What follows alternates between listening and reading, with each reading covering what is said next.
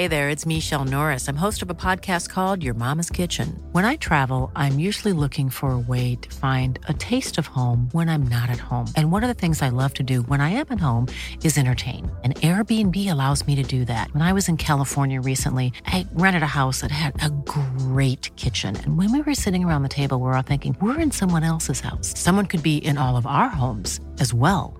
If you have a home, but you're not always at home, you have an Airbnb. Your home might be worth more than you think. Find out how much at airbnb.com/slash host.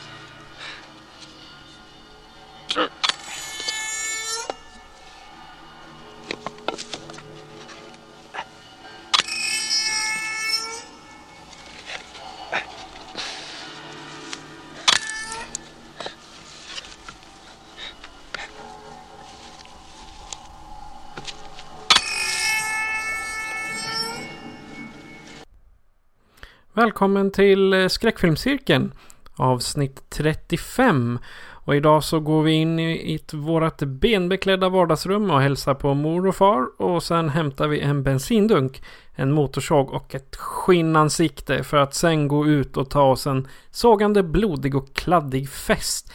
När vi avhandlar Texas Chainsaw Massacre från 1974. Era lädernyllen för dagen är jag, Patrik, och med mig har jag den rysligt motorsågande men vänlige skräckfilmsvärden Fredrik. Eh, Jag sågade faktiskt ner en björk i förra veckan. Har du sågat något? Nej, jag har inte sågat någonting. Inget mer än filmer kanske då? Jag skulle vara där då, någon dålig film som har åkt på recentsågen eller vad man nu kan kalla det. Ja, hur har Fredrik haft det sen sist? Jo, men det har varit ganska bra ändå. Det är mörkt och tråkigt här i, nu när det är november. Det liksom legat som ett tjockt jäkla molntäcke över hela eh, stan konstant. Så man ser ju typ aldrig solen. Så nu, det, det känns igen. Man har lite den här höstdepressionen på gång. Det är nästan lite som den här Netflix-serien Van Helsing. För där är det vampyrerna, de eh, överbelastar kolkraftverken eller någonting för att dölja solen. Så att det är liksom hela filmen genomgår en så här daskig ton alltihopa. Eller hela serien rättare sagt. Så att vampyrerna kan vara ute på eh, när det är dag. Precis, annars så blir det liksom stekt aska på marken. Det var det värsta. Ja. Jag har mest eh, suttit framför datorn och packat varor. Är Mhm. typ mitt, mitt, eh, min vardag numera. Mitt jobb. Och så har man städat lite ute i förråden alla utemöbler ska in. Det är Mm. jösses. Det man, man, man vet inte vad man har förrän man städar i ett förråd. Man upptäcker inte det. Man samlar ju på sig så ofantligt mycket skräp. Ja. Ja, men eh, i vanlig ordning tänkte jag vi kunde prata om vad vi har sett sen sist. Mhm. Vill du börja? Ja, jag har kollat på lite filmer jag återvänt till här. Jag kollade om Stephen Kings The Night Flyer. Det är väl baserad på något av hans kortnoveller. Jag tror den är gjord 97 här. Eh, och handlar om eh, en rad otäcka mord som sker liksom i samband eh, med diverse olika flygplatser, så små flygplatser här och där. Och så är det en journalist eh, som jobbar på någon sån här, ja, sensationstidning. Vet inte vad man skulle jämföra det med. Det fanns en tidning som hette En Ding Ding Värld.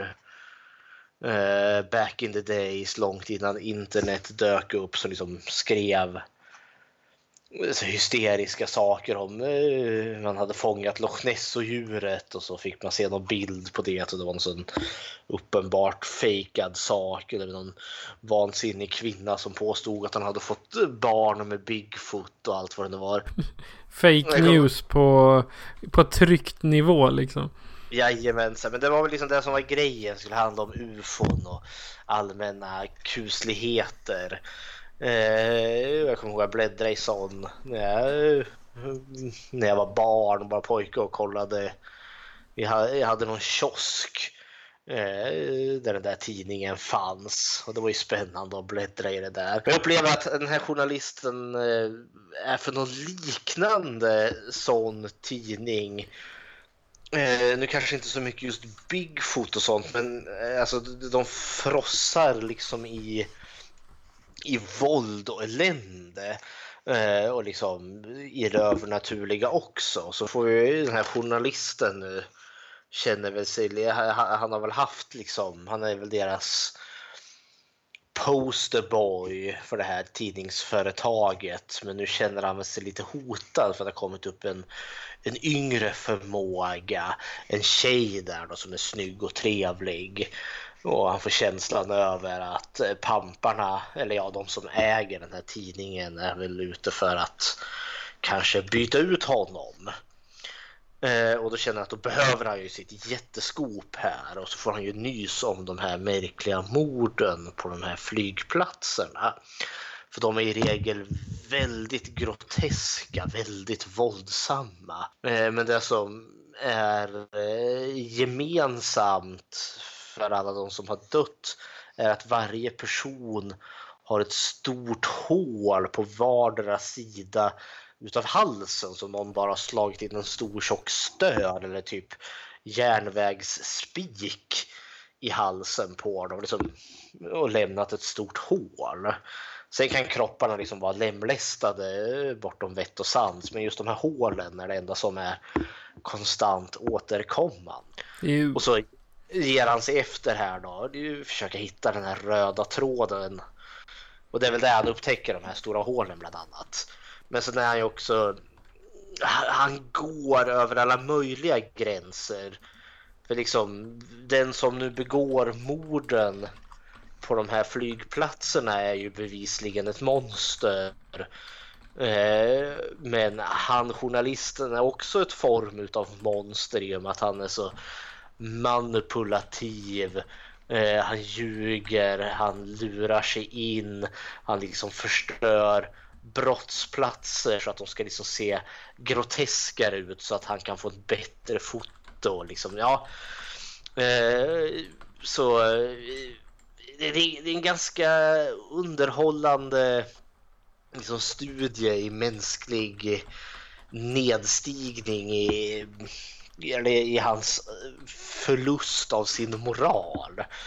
Och sen när han väl står ansikte mot ansikte mot den här mördaren i, i flygplanet eh, så är det liksom frågan vem är det riktiga monstret? Eh, jag vill, jag vill inte riktigt spoila, nu är det en här gammal film men jag vill inte spoila den totalt. Den alltså, The Night Flyer, en underbar film. Det, eh, jag, jag var helt fångad i den när jag kollade på den. Mm. Ja, men jag, jag, tycker den är helt okej okay och jag är väldigt underhålld av den. Eh, sen hade det var väl ingen sån där som jag tror det var en sån där som kom direkt till DVD. Den här har jag svårt att tro fick någon eh, biorelease och hade den där så var den nog ytterst begränsad.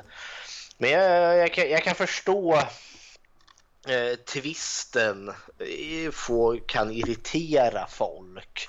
Eller twisten och twisten, liksom det, det som, eh, när det visar sig vad, vem det är som flyger det här flygplanet.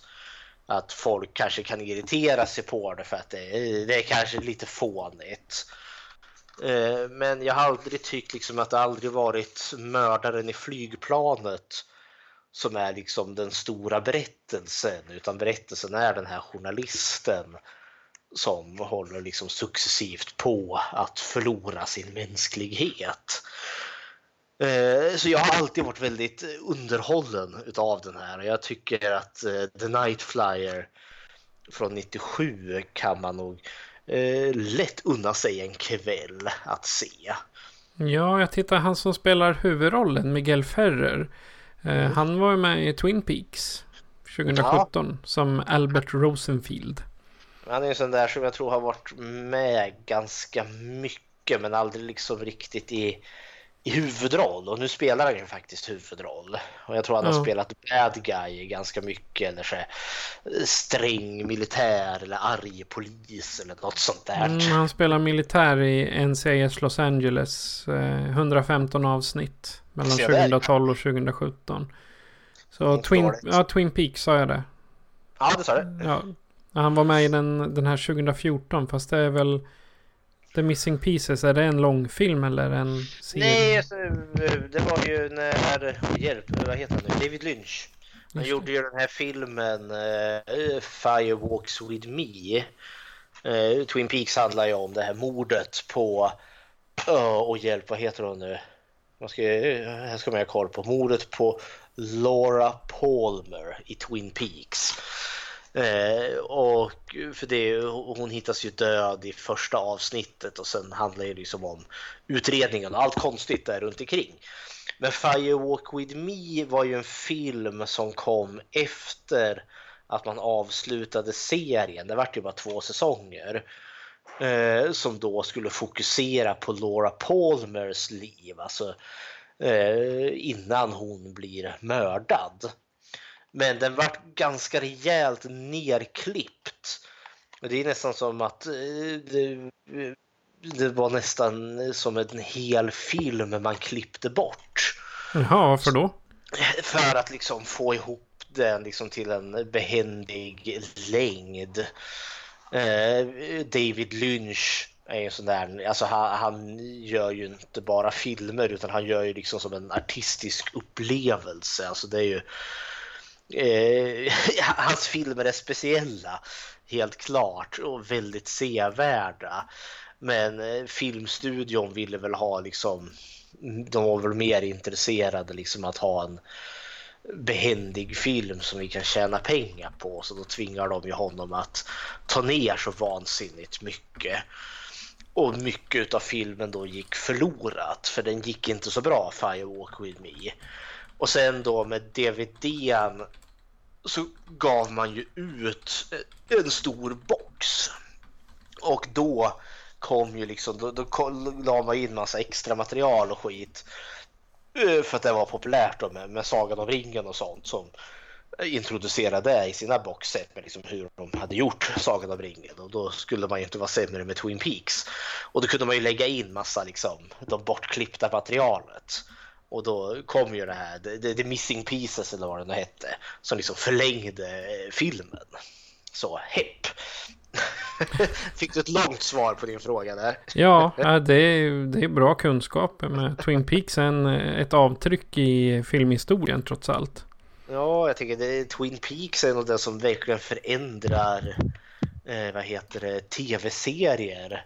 Jag menar tv-serier idag har ju väldigt hög standard. Jag tänker Game of Thrones och, och liknande. Eh, men det börjar nog lite med Twin Peaks som börjar ta serier på liksom allvar. För nu, nu är det ju nästan många kändisar vill spela med i, i tv-serier för liksom det eh, man, man kan bli känd genom tv, det kunde man inte förr. Då var det liksom, var du känd från tv då var du liksom, eh, ja, då var du ganska långt nere i skådespelarhierarkin. Det var ju liksom såpoperor var det som gick som typ eh, Dallas och Falcon Crest eller eh, Baywatch och, och liknande. Alltså det, man var ingen riktig skådespelartalang om man eh, gjorde liksom tv-serier. Men Twin Peaks kom ju att ändra på det för det, det är ju liksom den tar ju sig själv vansinnigt seriös och har liksom ett väldigt vuxet manus och behandlar liksom sin publik vuxet också tycker jag. Och det, det spann ju vidare liksom och vart Arkivex och eh, alla andra liksom serier som vart tagna på allvar. Och så tänker jag att långa loppet ledde till Game of Thrones och Walking Dead och uh, alla andra bra serier. Breaking Bad, Sopranos, The Wires och så vidare och så vidare. Ja. Ja. Har du sett något mer? Jag har sett, ja jag såg eh, jag såg eh, om remaken till The Crazies. Alltså The Crazies första det är något som George Romero gjorde strax efter eh, jag vet inte om det är efter Dawn of the Dead eller eh, före Dawn of the Dead. Sak samma, någon gång på 70-talet. Den är, den är från 2010. Ja, remaken är från 2010. Ja. Men eh, jag tror att den första... När var det Dawn of the Dead kommer då, den första? 78 där någonstans. Ja, då är den före. Det är Crazies är från 73. Ja, se där. Eh, och jag tycker The Cree, alltså remakes överlag.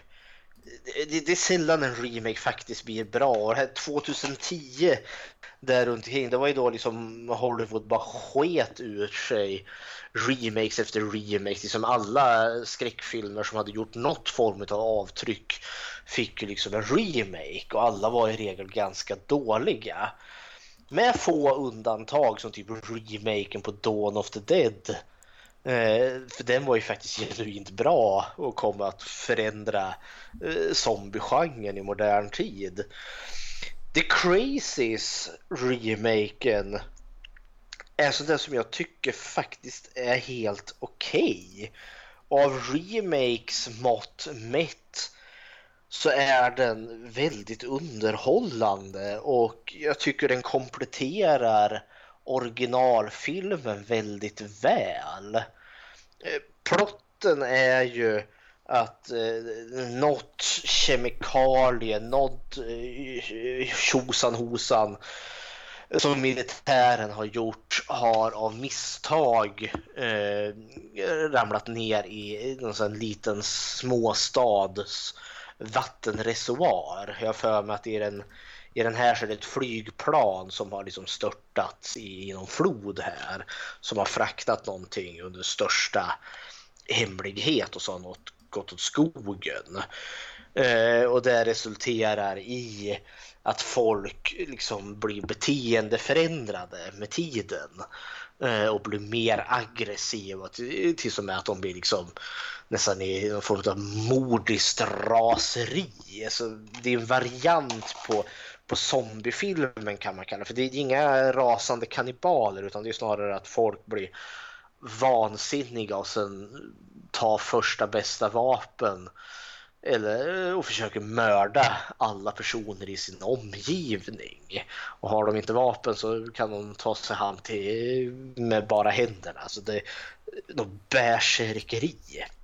Och så får man följa då en eh, polis och några andra personer i den här lilla idylliska småstaden där liksom allting är puttrigt och alla känner alla, liksom det är ett tryggt ställe tills och med att förändringen börjar komma och så sker det en rad otäcka mord och så dyker då eh, militären upp för att liksom sanera och eh, vad heter det, sätta folk i karantän här liksom för de eh, för det här är någonting som sprids. Det blir som en sjukdom.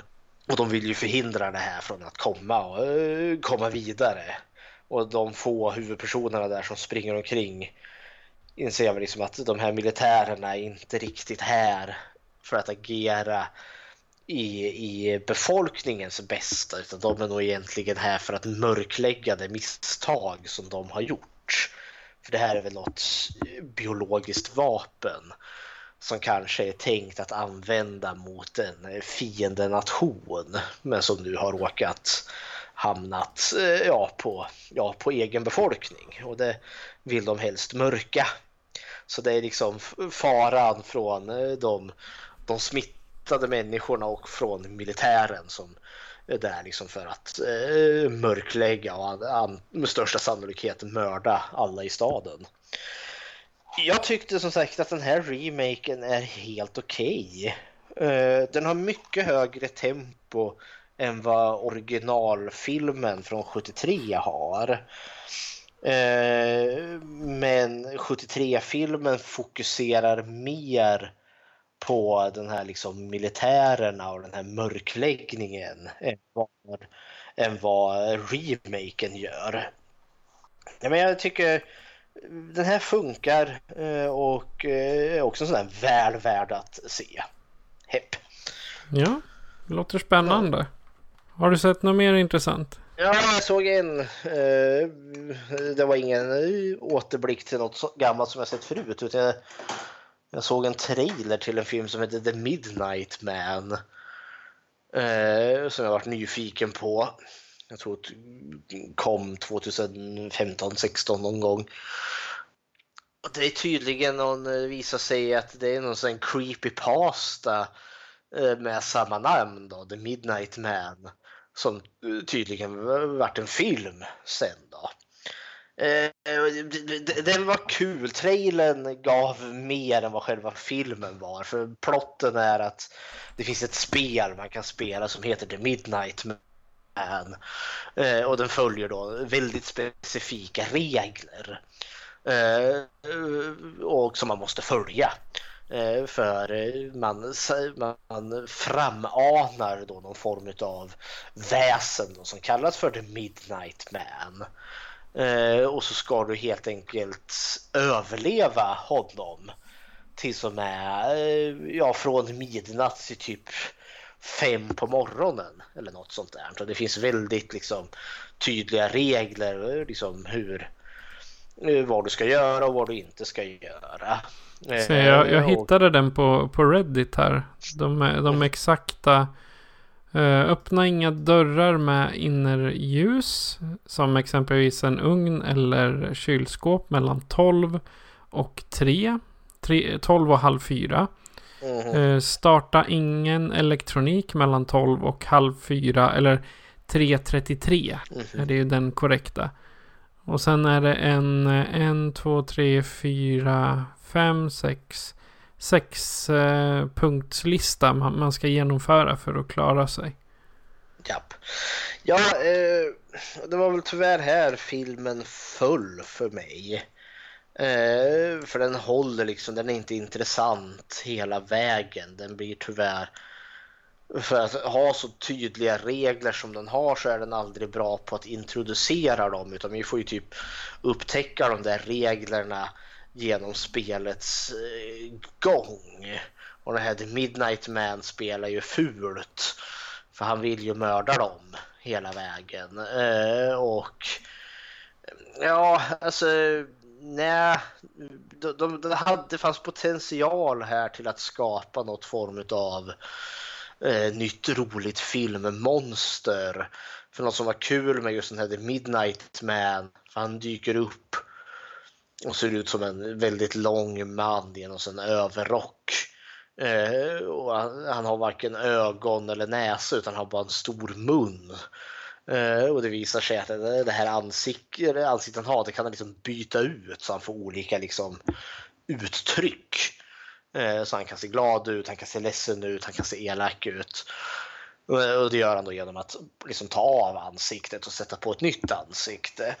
Så det fanns grejer där liksom som har varit kul liksom att göra någonting med men det introduceras så märkligt i filmen. Exempelvis det här med att han byter ansikte. Det kommer precis i filmens slut. Och det hade, jag tänkte oh det där var ju kul och lite spännande. Det hade jag gärna sett mer av. Eh, så ja, eh, den var kul. Den var helt värd att se men den den föll liksom lite på sin egen logik eller snarare brist på logik. Men den, den var kul att se. Men jag skulle liksom inte påstå att den var minnesvärd direkt. Ja, det är vad jag har sett. Okej. Okay. Jag har tittat på eh, en serie som heter Zoo. Från eh, 2015. Den ligger på Netflix. Och den börjar helt enkelt i Afrika där en turistgrupp är ute på safari och blir attackerade av fem lejonhanar. Och det får en zoolog som heter Jackson Oss eller James Volk som skådespelaren heter och hans kenyanske kollega Abraham Kenyatta. Eller Nonso Anotsi som han heter på egentligen. Och de, de reagerar på det men och varför? Jo, för att lejonhanar vaktar reviret. Och mhm. det är honorna som sköter jakten. Okej. Okay. Ja, och sen är det ju, det, det, är tre säsonger och jag har sett en och en halv. Så att under tiden så ramlar det in nya karaktärer. En fransk eh, agent, alltså franska motsvarigheten till CIA. Eh, en journalist och en veterinärpatolog. Alltså en rättsmedicinsk veterinär. Nej, men alltså, för, förstår jag det här rätt? Liksom, det handlar om folk som blev fast i det här lejonreviret? nej, nej, nej. Jag, jag, jag kommer till det. jag fick en märklig bild. Hur fan gör du en serie om det här? Folk som är fast i något lejonrevir och så kommer det Ja. dit mer folk och blir fast i det. Nej, nej, nej. Nej, utan eh, se... För de här med att lejonhanarna attackerar. Mhm. Det är ju det att sakta men säkert så börjar det sprida sig. Worldwide. Så att jag menar de kommer till New York. Nej, Wa- Washington. Och han eh, veterinärpatologen sitter i en park med sin dotter. Och helt plötsligt blir de attackerade av duvorna. Jaha, så det är något sånt rage-virus bland djur då? Ja, precis. Det, och det, på, på, på ett eller annat sätt då så har de ganska snart inser de att ja, men alla djuren börjar prata med varandra. Jaha, De har liksom lärt sig ett eh, universellt språk. Okej. Så liksom så djuren Så- gör liksom koordinerade attacker mot människor här sen? Ja, exakt.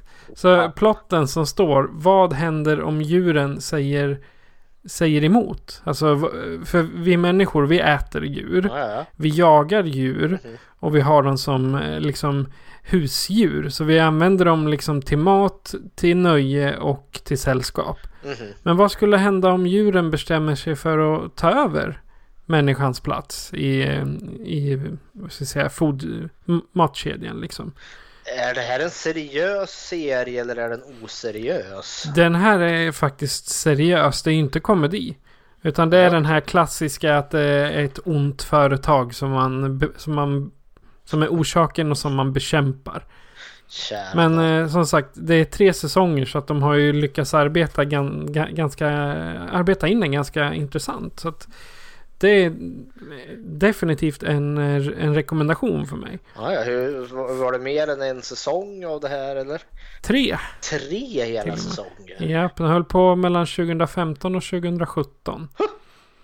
Ja, så ja, 39 avsnitt blir det ju då totalt. Se där. Ja, eh, så den är... eh, Den, den rekommenderar jag. Den finns på Netflix. Ja. Och sen tog jag mig i kragen och kollade på In the Tall Grass. Du gjorde det? Vad tyckte du? Ja, precis. Alltså den var, den var lite rörig i början. Mhm. Men eh, eftersom det är en King så får man ju... Ja, det, det visste man ju redan att den skulle vara i, innan man började titta. Så, men vartefter man tog sig igenom det så sakta men säkert börjar man ju förstå vad gräset egentligen är. Och sen liksom, ja. Jag, jag såg ju mönstren till slut. Mhm. Som jag gissar att du gjorde detsamma när du tittade i, i, på den först. Ja, det var ju någon sån eh, märklig tidsloop eller vad det nu var. Folk eh, dog Ja. och kom tillbaka och dog och kom tillbaka. Och liksom de var fast i någon knepig spiral här. Eh, Ja, och sen jag gillade när de, när de är runt stenen där så kommer det ju ut lite halvnaket folk med gräs i ansiktet. Så jajamän. då, och då, då tänkte jag liksom, ja men det, är- de, de har gjort någon form av förbannelse gentemot, ja, gentemot någon som har blivit sur och så, så är platsen förbannad. Och personerna kan inte komma därifrån förrän de har utfört någonting eller tagit sig igenom labyrinten så att säga. Mhm. Jag tänkte att det var något så här eh, något utomjordiskt tänkte jag. Att typ så att den där stenen som allting kretsar kring kanske är en komet eller något sånt där som har slagit ner. Eh, som följer helt andra regler än vad vi gör här på jorden. Eller så är det liksom något magiskt, övernaturligt, tjosan hosan, stenen som djävulen planterade i någon jävla åker. Men jag, jag tänkte också om det, jag menar Stephen King har ju sitt sammanhängande universum här. Eh, och jag tänkte liksom att eh, Ja, jag hade samma, samma tanke där. Jo, att stenen liksom har krypt, krypit över till våran dimension. Ja, att det är någonting som kommer från mörka tornet-världen eller något sånt där. Precis som eh, det, Pennywise-clownen är ju med största sannolikhet något som har kommit därifrån. Och, eh, eller som The Mist, alla monster som dyker upp i dimman är också från mörka tornet-världen där. Så, så tänkte jag. Men filmen ja. förklarade liksom ingenting och det gillade jag. Sen tyckte jag att den, ja. det var kul att ha sett den en gång men riktigt mer än så tycker jag nog inte att man behöver ge den. Nej, man, man får ett avslut och sen är man nöjd. Ja, jag tänker det är ingenting som kommer välta några Liksom, ja, det, det, det är ingen milstolpe inom skräckfilmsvärlden eller science fiction eller filmatiseringar utav Stephen King. Men eh, på det sättet tyckte de var kanske ganska lik som typ The Midnight Man. Den fanns där och det var väl kul att ha sett den. Men inte mycket mer. Nej. Okej, okay. det var vad vi har sett. Så att eh, varför inte slänga oss över dagens tema som är förbjudna filmer. Ska vi kalla det så? Ja, för videovåldet och de förbjudna filmerna. Eh, för det är väl egentligen liksom, det finns ju BBFC eller vad de heter eh, har ju en stor lista över vad som kallas för the video nasties. De stygga filmerna där eh, som då vart förbjudna. Eh, och det här är ju liksom 70-talet in på 80-talet. Men det, det kommer ju liksom ifrån eh, videovåld och eh, filmcensur. Och då tänker jag att då kan man ju eh, finula lite kring vad, liksom, liksom, vad filmcensur och videovåld egentligen är. För tänker man till eller jag slog mig liksom att eh, jag, jag är ju född och uppvuxen med film. Jag känner inte en värld där det varken finns tv eller film utan det är naturligt för mig. Men jag menar Hollywood har ju funnits lite mer än hundra år och det är inte särskilt länge liksom rent historiskt sett. Så jag tyckte det kunde vara lite kul att kolla liksom på just eh, filmcensur överlag. Eh, och eh, det, alltså, censur har ju alltid funnits.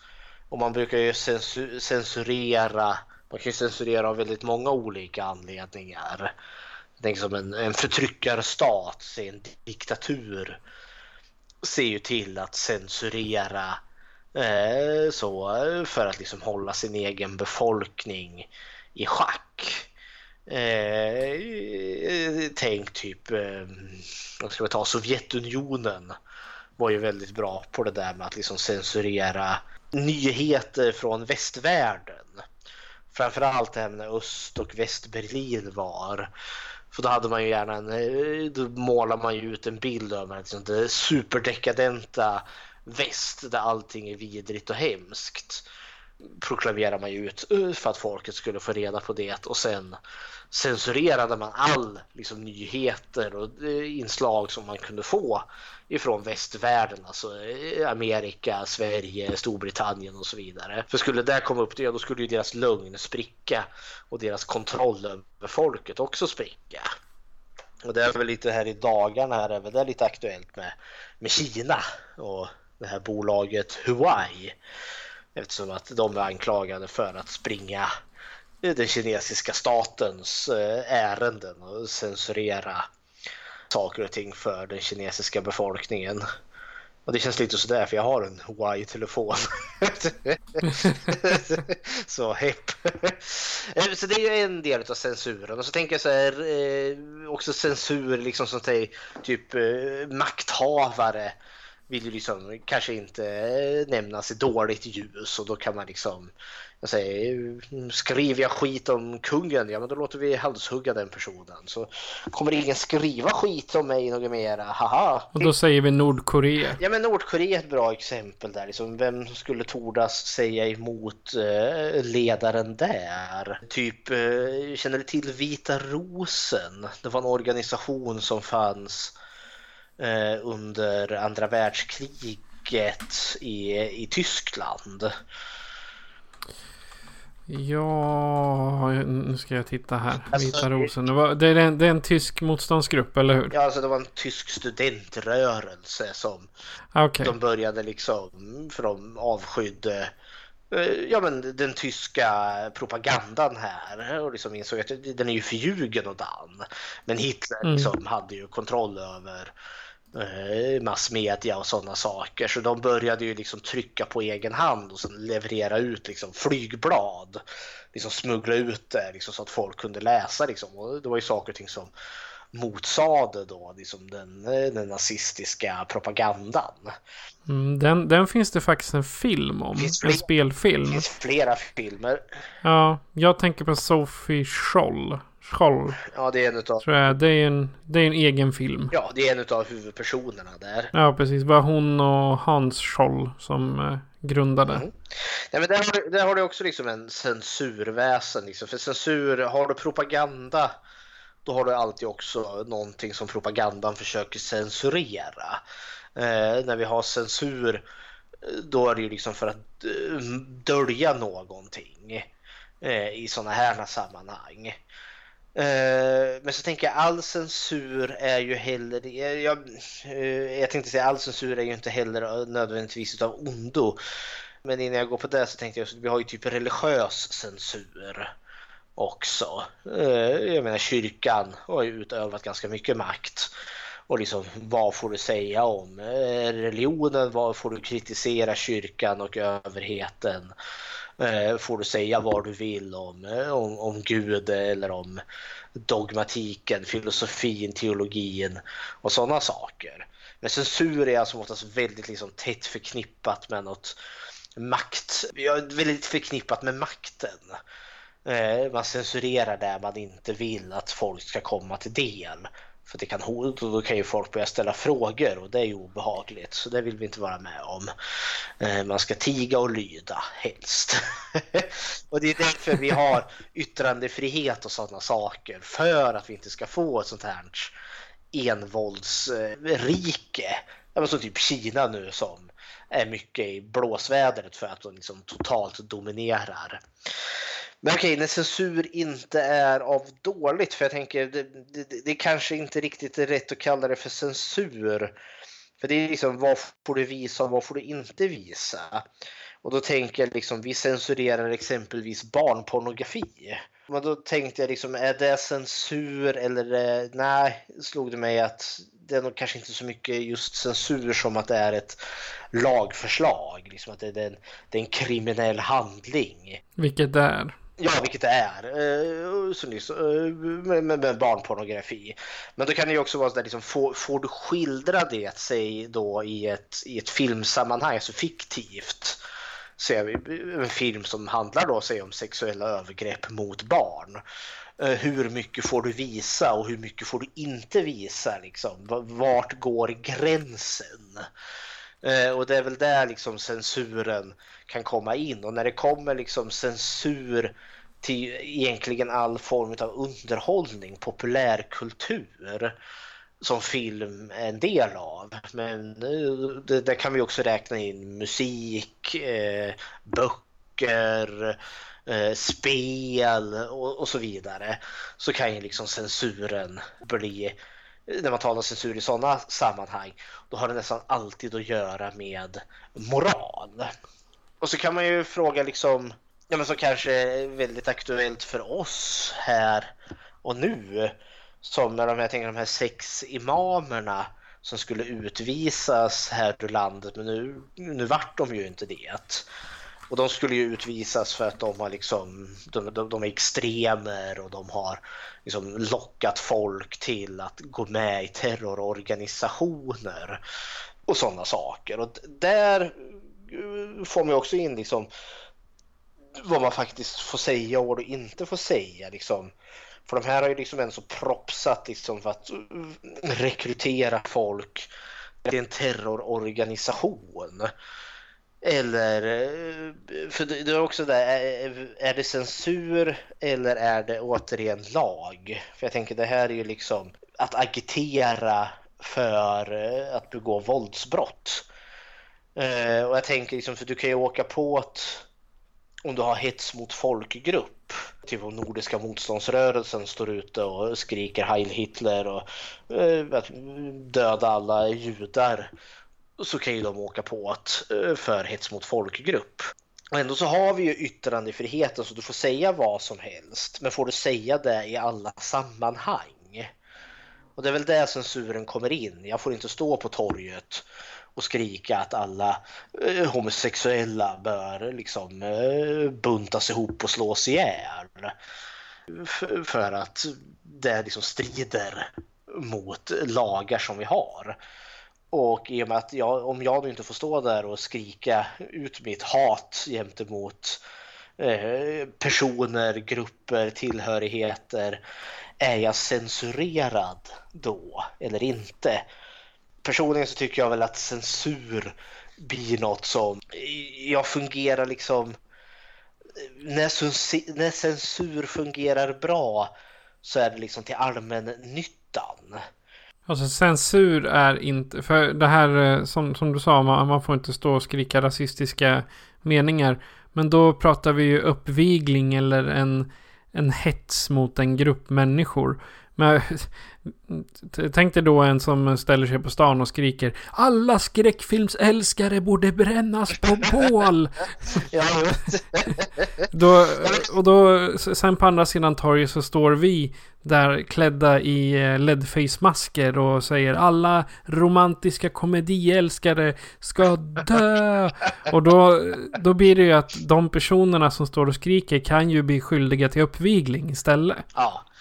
Och då kan man ju då mena att i och med att vi inte får stå där och hetsa eh, skräckfilmshatarna mot de romantiska komedihatarna. Exakt. Att, att, då har man, att då är det censur. Eh, och jag tycker att det, det, här med censur får man väl liksom ta lite för vad det är. Man får se till det stora hela. Är det, liksom, är det viktigaste att eh, vi får stå där med våra motorsågar och önska livet ur alla som älskar romantiska komedier? Eller är det kanske viktigare att inte uppvigla till våld emot eh, mot folk och folkgrupper? Då tror jag liksom att det är där liksom fokuset ska ligga.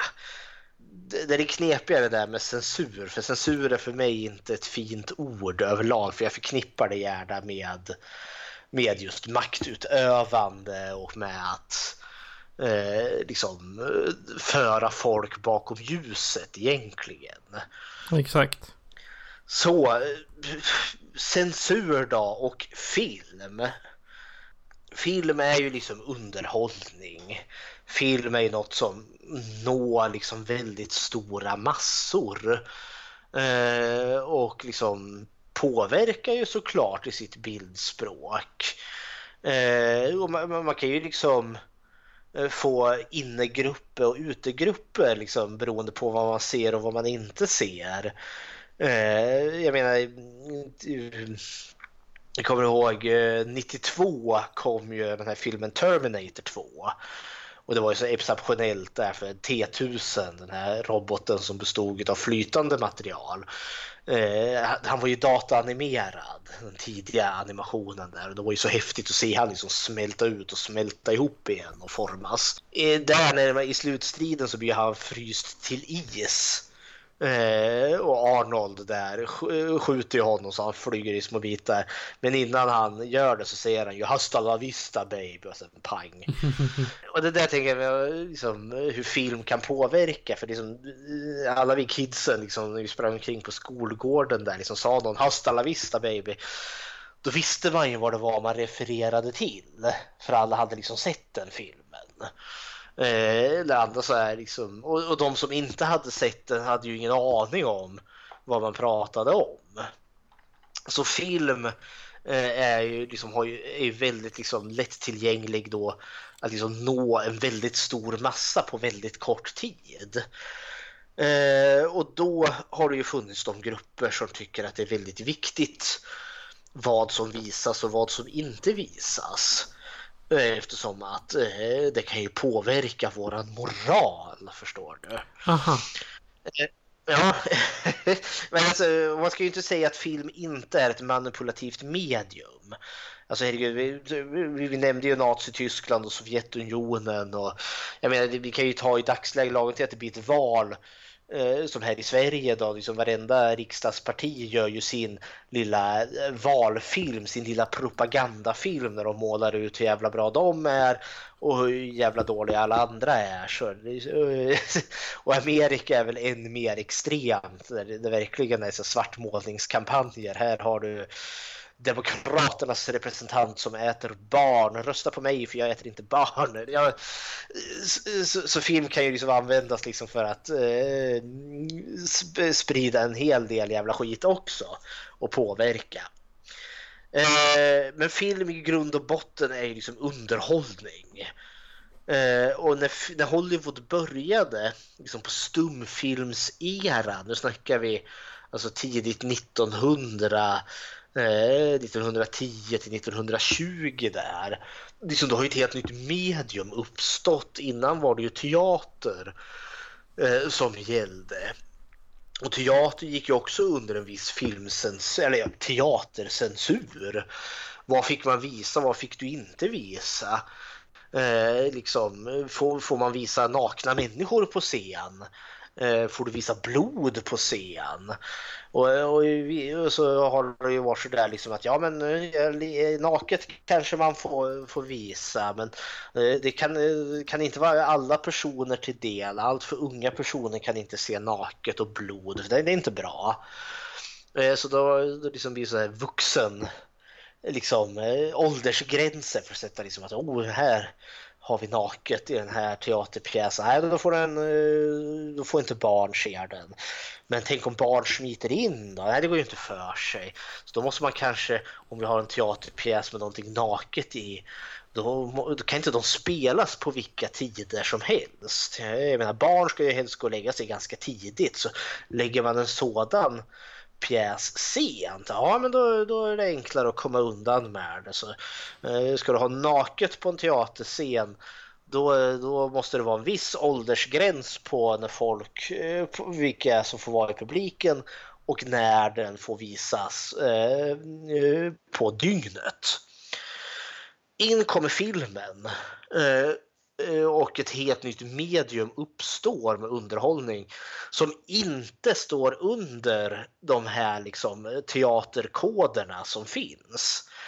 Eh, och det tar ju lite tid för de här bolagen liksom att bildas. Det tar tid innan Hollywood blir Hollywood så att säga. Men till slut så är det ju ganska liksom stort och du får eh, för sin tid stora produktioner. Och vad är det som alltid har sålt genom alla tider? Jo, det är sex och våld. och eh, förvånansvärt nog så är de tidiga liksom Hollywoodfilmerna, alltså de här stumfilmserierna, de kan verkligen ta ut svängarna betydligt mer än vad typ 30 och 40 och framförallt 50-talets gamla svartvita filmer gör. För en annan liksom så gamla stum, jag har inte sett så mycket stumfilmer eh, när, jag, när jag var yngre. Man har sett lite svartvita filmer men det var så hormonstinn tonåring och ville ha liksom sex, blod och död eh, så lockade aldrig liksom eh, de här gamla svartvita filmerna för de hade ju inget av det här. Men så går man ännu längre bakåt i tiden då visar det att det hade du ju visst. Då fanns det ju väldigt mycket naket och väldigt mycket blod och död. Eh, jag tror det finns någon eh, film, kortfilm som tror jag heter Den andalusiska hunden. Gjord liksom något 1915, 16 där någonstans.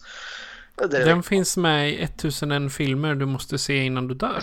Okej, okay. där, där, har du en scen där det kommer en man eh, med en rak kniv eh, fram till en kvinna och så skär han ut hennes öga. Man ser liksom hur han närmar sig med, med rakbladet mot hennes öga och så blir det en stor inzoomning. Eller, ja, du vet hur de gjorde den scenen? Ja, det är något koöga de skär i. Egentligen. Nej, faktiskt ett ägg. Ett ägg, ja sådär. Eh, nej men där, eh, liksom, där liksom hade jag inte kunnat föreställt mig liksom, i en gammal svartvit film. Men eh, det här får ju liksom, som sagt, nu, nu finns det mer filmer, du har liksom eh, biodukar, stora teater, alltså biofilmstäder får man väl kalla det har dykt upp och liksom filmerna konkurrerar ju med de stora teatrarna och operahusen och folk kommer dit och eh, är inte alls liksom begränsade på samma sätt som, eh, som teatern och operan är. Eh, så där får ju folk sitt eh, lytesmäte tillfredsställt, liksom blod och våld och sex. Eh, och så hör det också till att eh, värt att notera att synen på skådespelare eh, är väldigt annorlunda för, ja, säg 20-talet eh, än 2019 eh, i, i, i västvärlden. För i, i dagsläget så dyrkar ju vi våra kändisar. Kändisar liksom går ju på röda mattan och man liksom oh, tänk om man kunde vara en sådan och det är så fantastiskt så att det inte är klokt och man intervjuar kändisar med deras åsikter och handlanden och allt vad det är. Men för typ hundra år sedan så kände eh, skådespelare, det var något man förknippade med lössläppt folk.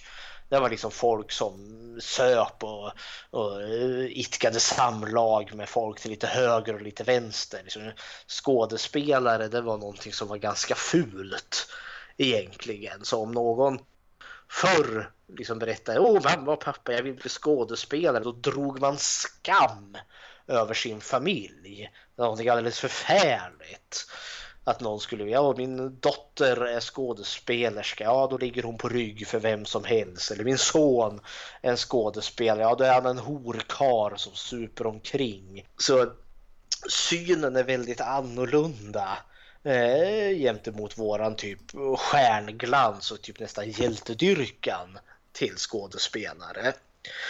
Så 1932 kom det då någonting som började bli liksom den första liksom filmcensuren och den kommer att då kallas för The Hays Code. Eh, för den är då döpt efter eh, den man som liksom blir affischnamnet och som heter då William Hayes. Eh, och eh, detta är då the, the MPPDA Eh, förkortas den och det är då A Code to Govern The Making of Motion and Talking Pictures. Och det är liksom till för att stävja upp vad du får visa och vad du inte får visa. Eh, och grejen är att detta kommer ifrån den katolska kyrkan. Eh, från religiöst håll här då. Den katolska kyrkan är en seriös maktfaktor även idag. Eh, och där hade de, alltså den katolska kyrkan hade ju sett att de varit bekymrad över eh, just eh, moralen i de här filmerna som kommer folk till del och hur det kan påverka folk. Det är inte bra alls. Eh, så då bildades någonting som kallas för The Legion of Decency. Legionen för anständighet. Eh, som då kom 1927 tror jag. Och jag tycker namnet är så fantastiskt roligt, The Legion of Decency. För jag kommer ihåg när jag läste eh, mina superhjältetidningar så har jag för mig att det finns en jag vet inte om det är Marvel eller DC, men en ansamling skurkar som heter The Legion, The Legion of Doom. Som sitter i någon mm. borg och kacklar ondskefullt. Så när jag hörde The Legion of Decency då såg jag liksom typ ett gäng onda präster som satt och kacklade. Oplanerade världsherravälde. Ja, men det vet man ju inte. Det kanske de var. De ville censurera bort allt så att de kunde ta all, eh, all makt själva. Mm. Ni ska inte bli roade av våra läskiga filmer utan vi ska bestämma vad ni tycker. Grejen alltså, grejen alltså det här är ju censur som jag inte alls uppskattar för det här är moralcensur rätt och slätt för att påverka hur människor ska leva dyg, dugliga och rättfärdiga liv.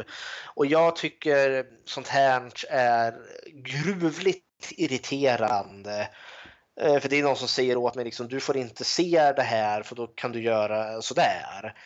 Och det finns ingen logik i det. Liksom. Du får inte se nakna människor för det är dåligt. Varför är det det? Ja, för din moral kan bli dålig. Jaha, det går ingen logik i det. Du får inte se våldsamma filmer för då kanske du går ut och mördar någon. Ja, men jag har sett tusentals våldsamma filmer och har inte mördat någon. Så det känns inte som att det, det är rimligt. Eh, problemet jag har med så här moralkoder är ju liksom för att man ska försöka manipulera folk till att eh, bete sig på ett sätt som man vill att de ska göra. Och det tycker inte jag är ärligt någonstans. Eh, för jag menar visst, filmer som innan Hayes-koden lockade ju med sex och våld. Men det var ju ingen som tvingade dig att se de här filmerna. Eh, det var liksom ingen som liksom drog in dig i biosalongen, liksom se och skrik. Utan det var ju, det är ju frivilligt. Och det är ju liksom, det är ingenting som händer som är olagligt på skärmen heller. Eh, men det, det, är farligt att bara se materialet i sig. Det finns ju han, eh, vad heter han nu, våran svenska skald. Eh, och nu står det still. Han sjöng ju Somliga går i trasiga skor. Cornelis eh, Vreeswijk? Ja, Cornelis Vreeswijk. Han gjorde en jättebra eh, sång som heter just Censur, censur. För just där finns det en, en liten fras där liksom han säger att eh, man får inte se en kvinna bar. Det, det, är inte bra att se en kvinna bar för liksom, det, det, det, blir man dålig av på något vis och vänster.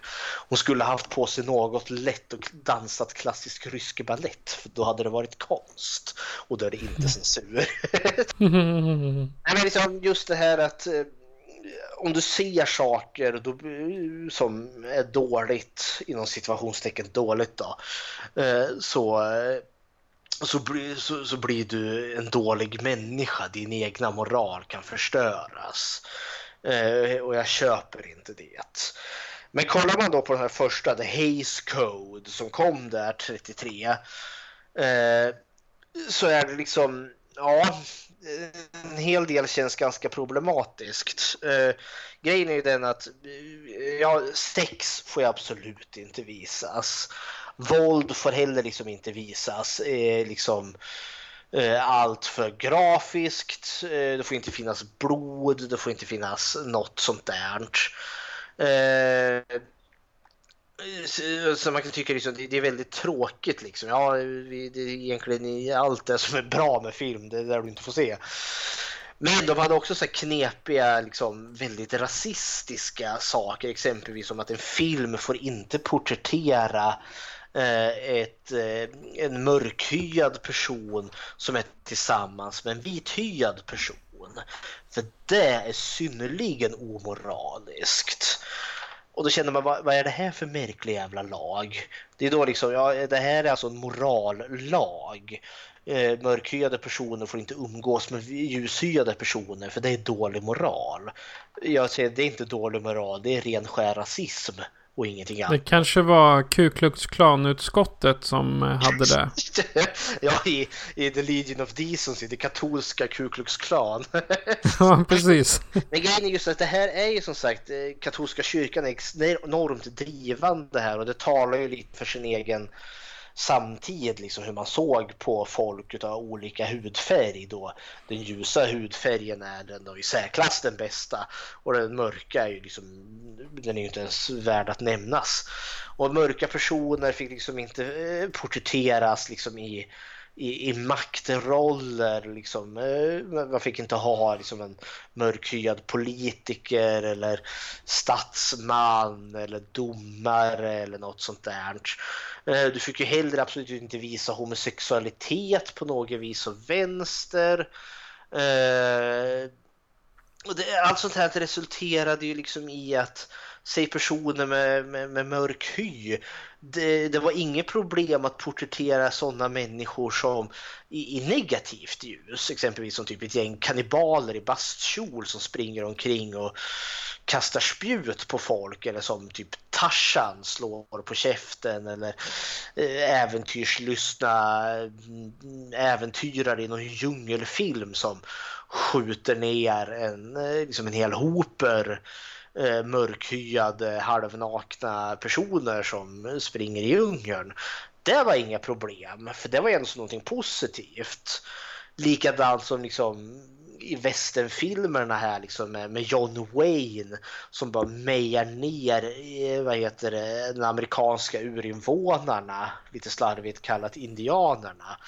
Det hade man inga större problem med för det var ju liksom en indian. Det är ju inte riktigt lika mycket människa som en, som en ljushyad person. Gör du tvärtom, säg att vi har en indian där som eh, mördar, gud förbjude, en ljushyad kvinna.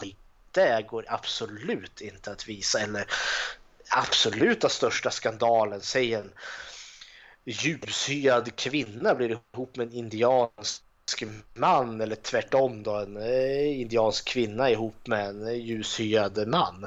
Det är också What? så ajabaja. Nej, det får inte visas. Hell no. Hell no. Grejen var det, alltså det här är The Haze Code, rasistisk och dans som den är. Skvallrar ju lite över sin, sin tid och den moral Eh, Eh, som liksom fanns. Grejen är att det här är ju ingen juridisk lag. Grejen är att det här är ju liksom som en jäkla lobbyorganisation som liksom proklamerar ut att filmer som inte följer den här The Hays Code är synnerligen omoraliska filmer. Det är dåliga filmer som fördärvar dig för det har påven i Rom sagt. Och det skrämde ju liksom en, en, liksom en bra liksom stor klick utav den katolska befolkningen inom sig Amerika. Vilket då, jag menar, går påven ut och säger att det här är en film som, som Vatikanen fördömer. Ja, då håller sig folk borta och då förlorar liksom det filmbolaget de intäkter som den behöver. Så The Hays Code är egentligen en självcensur som gjorde då liksom att för det, grejen är ju den att när du har gjort en film då ska den liksom tas igenom, ska granska, kan man lämna in den för granskning. Eh, så går den igenom här, liksom, ah, klarar den the Haze Code? Ja, eh, då kanske de anmärker, här finns det, den scenen är inte godkänd, det här får ni ta bort eh, och det där får ni ta bort. Så, så tar man bort det och så är den godkänd och så då levereras det, kan man leverera det till ett, eh, en biograf som då spelar upp filmen. Eh, och eh, eh för man kunde ju skita i den här The Haze Code. Det tycker man, det låter ju praktiskt. Liksom jag gör min film, jag är filmskapare, jag har min egen integritet. Alltså jag, det är ju ett konstverk, liksom en artistisk eh, handling att göra film också. Man kanske vill beröra ämnen som inte går att ta upp. Exempelvis som att det inte är fel för en ljushyad person och en mörkhyad person att eh, liksom bli förälskade med varandra och kanske skaffa familj och barn, vilket hände i verkligheten. Säg att någon gör en sån film. Och så går du då till någon eh, biograf, någon filmstudio där. Liksom, här är min film, jag vill visa den här. Uh, har den blivit granskad av The Hays Code? Nej, den har den inte. Ah, nej, då vet vi nog inte riktigt om vi törs visar den här filmen. För då blir det som så att säg att den, den filmstudio, den eh, biograf som visar den här filmen då kan det bli skandal. Liksom, de har visat den här omoraliska skitfilmen eh, och så för man liksom någon liksom hatkampanj mot den här. Vilket då kanske tvingar biografen i konkurs sen. För att då går inte folk dit. Liksom, ja, men här är ett omoraliskt ställe där, liksom, där det sker eh, saker som inte är okej. Okay. Så det, det, liksom, det tvingar ju bort en förfärlig massa saker eh, som kanske var alldeles liksom så väl värt att liksom visa upp. Ja, men exempelvis om just det här med att en ljushyad person kan få bli ihop med en mörkhyad person och det är inget fel med det. Men då har, liksom, då har man införstått liksom förbjudit det och tagit bort det eh, så att, liksom, att det inte kan porträtteras i positivt på något vis och vänster. Och då kommer det ju liksom inte den stora massan till del. För man ska komma ihåg att bara det här exemplet som en ljushyad eh, person och en mörkhyad person det var liksom kontroversiellt långt in på 60-70-talet. För du vet ju tv-serien Star Trek så kom den med Captain Kirk och Spock och company. Vart ju en stor jäkla grej för att i ett avsnitt där eh, William Shatner som eh, Captain Kirk. Han är ju notorisk kvinnokar och åker från planet till planet och ligger med varenda kvinna han träffar. han kysser ju en mörkhyad kvinna, jag tror det är hon eh, Uhura. Och det blir ju ramaskri. Och nu befinner vi oss liksom i slutet på 60-talet. Säg om vi då redan på 30-talet kunde få porträttera eh, mörkhyade par, eller mörk och ljushyade par i filmer och liksom få, få liksom bevisa liksom i positiv bemärkelse, då hade nog inte den där kyssen i Star Trek liksom någonsin liksom blivit lika uppmärksammad. Men nu vart ju den eh, vad heter det, medvetet nedtryckt. Så det kom ju liksom inte folk till del. För att det var någonting som det här jävla Legency of Decency ansåg var dåligt. Vilket bara är skitsnack. Vad fan vet de? Jag menar hur många människor fanns det inte som umgick som råkade ha olika färg på sin pigment? Vilket då ett gäng idioter, prästjävlar, förlåt jag skulle bli präst själv här. Men liksom, dumma jävla präster och kardinaler kom fram i något jävla möte någonstans i Rom. Att det här är omoraliskt, det här får vi inte se. Eh, dumskallar. Men det är liksom som är problematiskt med censur i, liksom, i filmmässigt, för det, det var det som var dåligt. Eh, ett utav det som var dåligt, bland annat. Eh, exempelvis mer nu, nu har jag harpat väldigt mycket på just den biten av The Haze Code, men det är just för att jag tycker att det är liksom så bisarrt och så väldigt dumt och jag tror det är väldigt få som skulle hålla med om det här idag. Eh, andra grejer som den hade eh, var ju liksom att exempelvis eh, en film får aldrig eh, göra så att vi kan sympatisera med de kriminella, med de som gör fel, alltså med elakingarna i film. Eh, brott ska alltid bestraffas.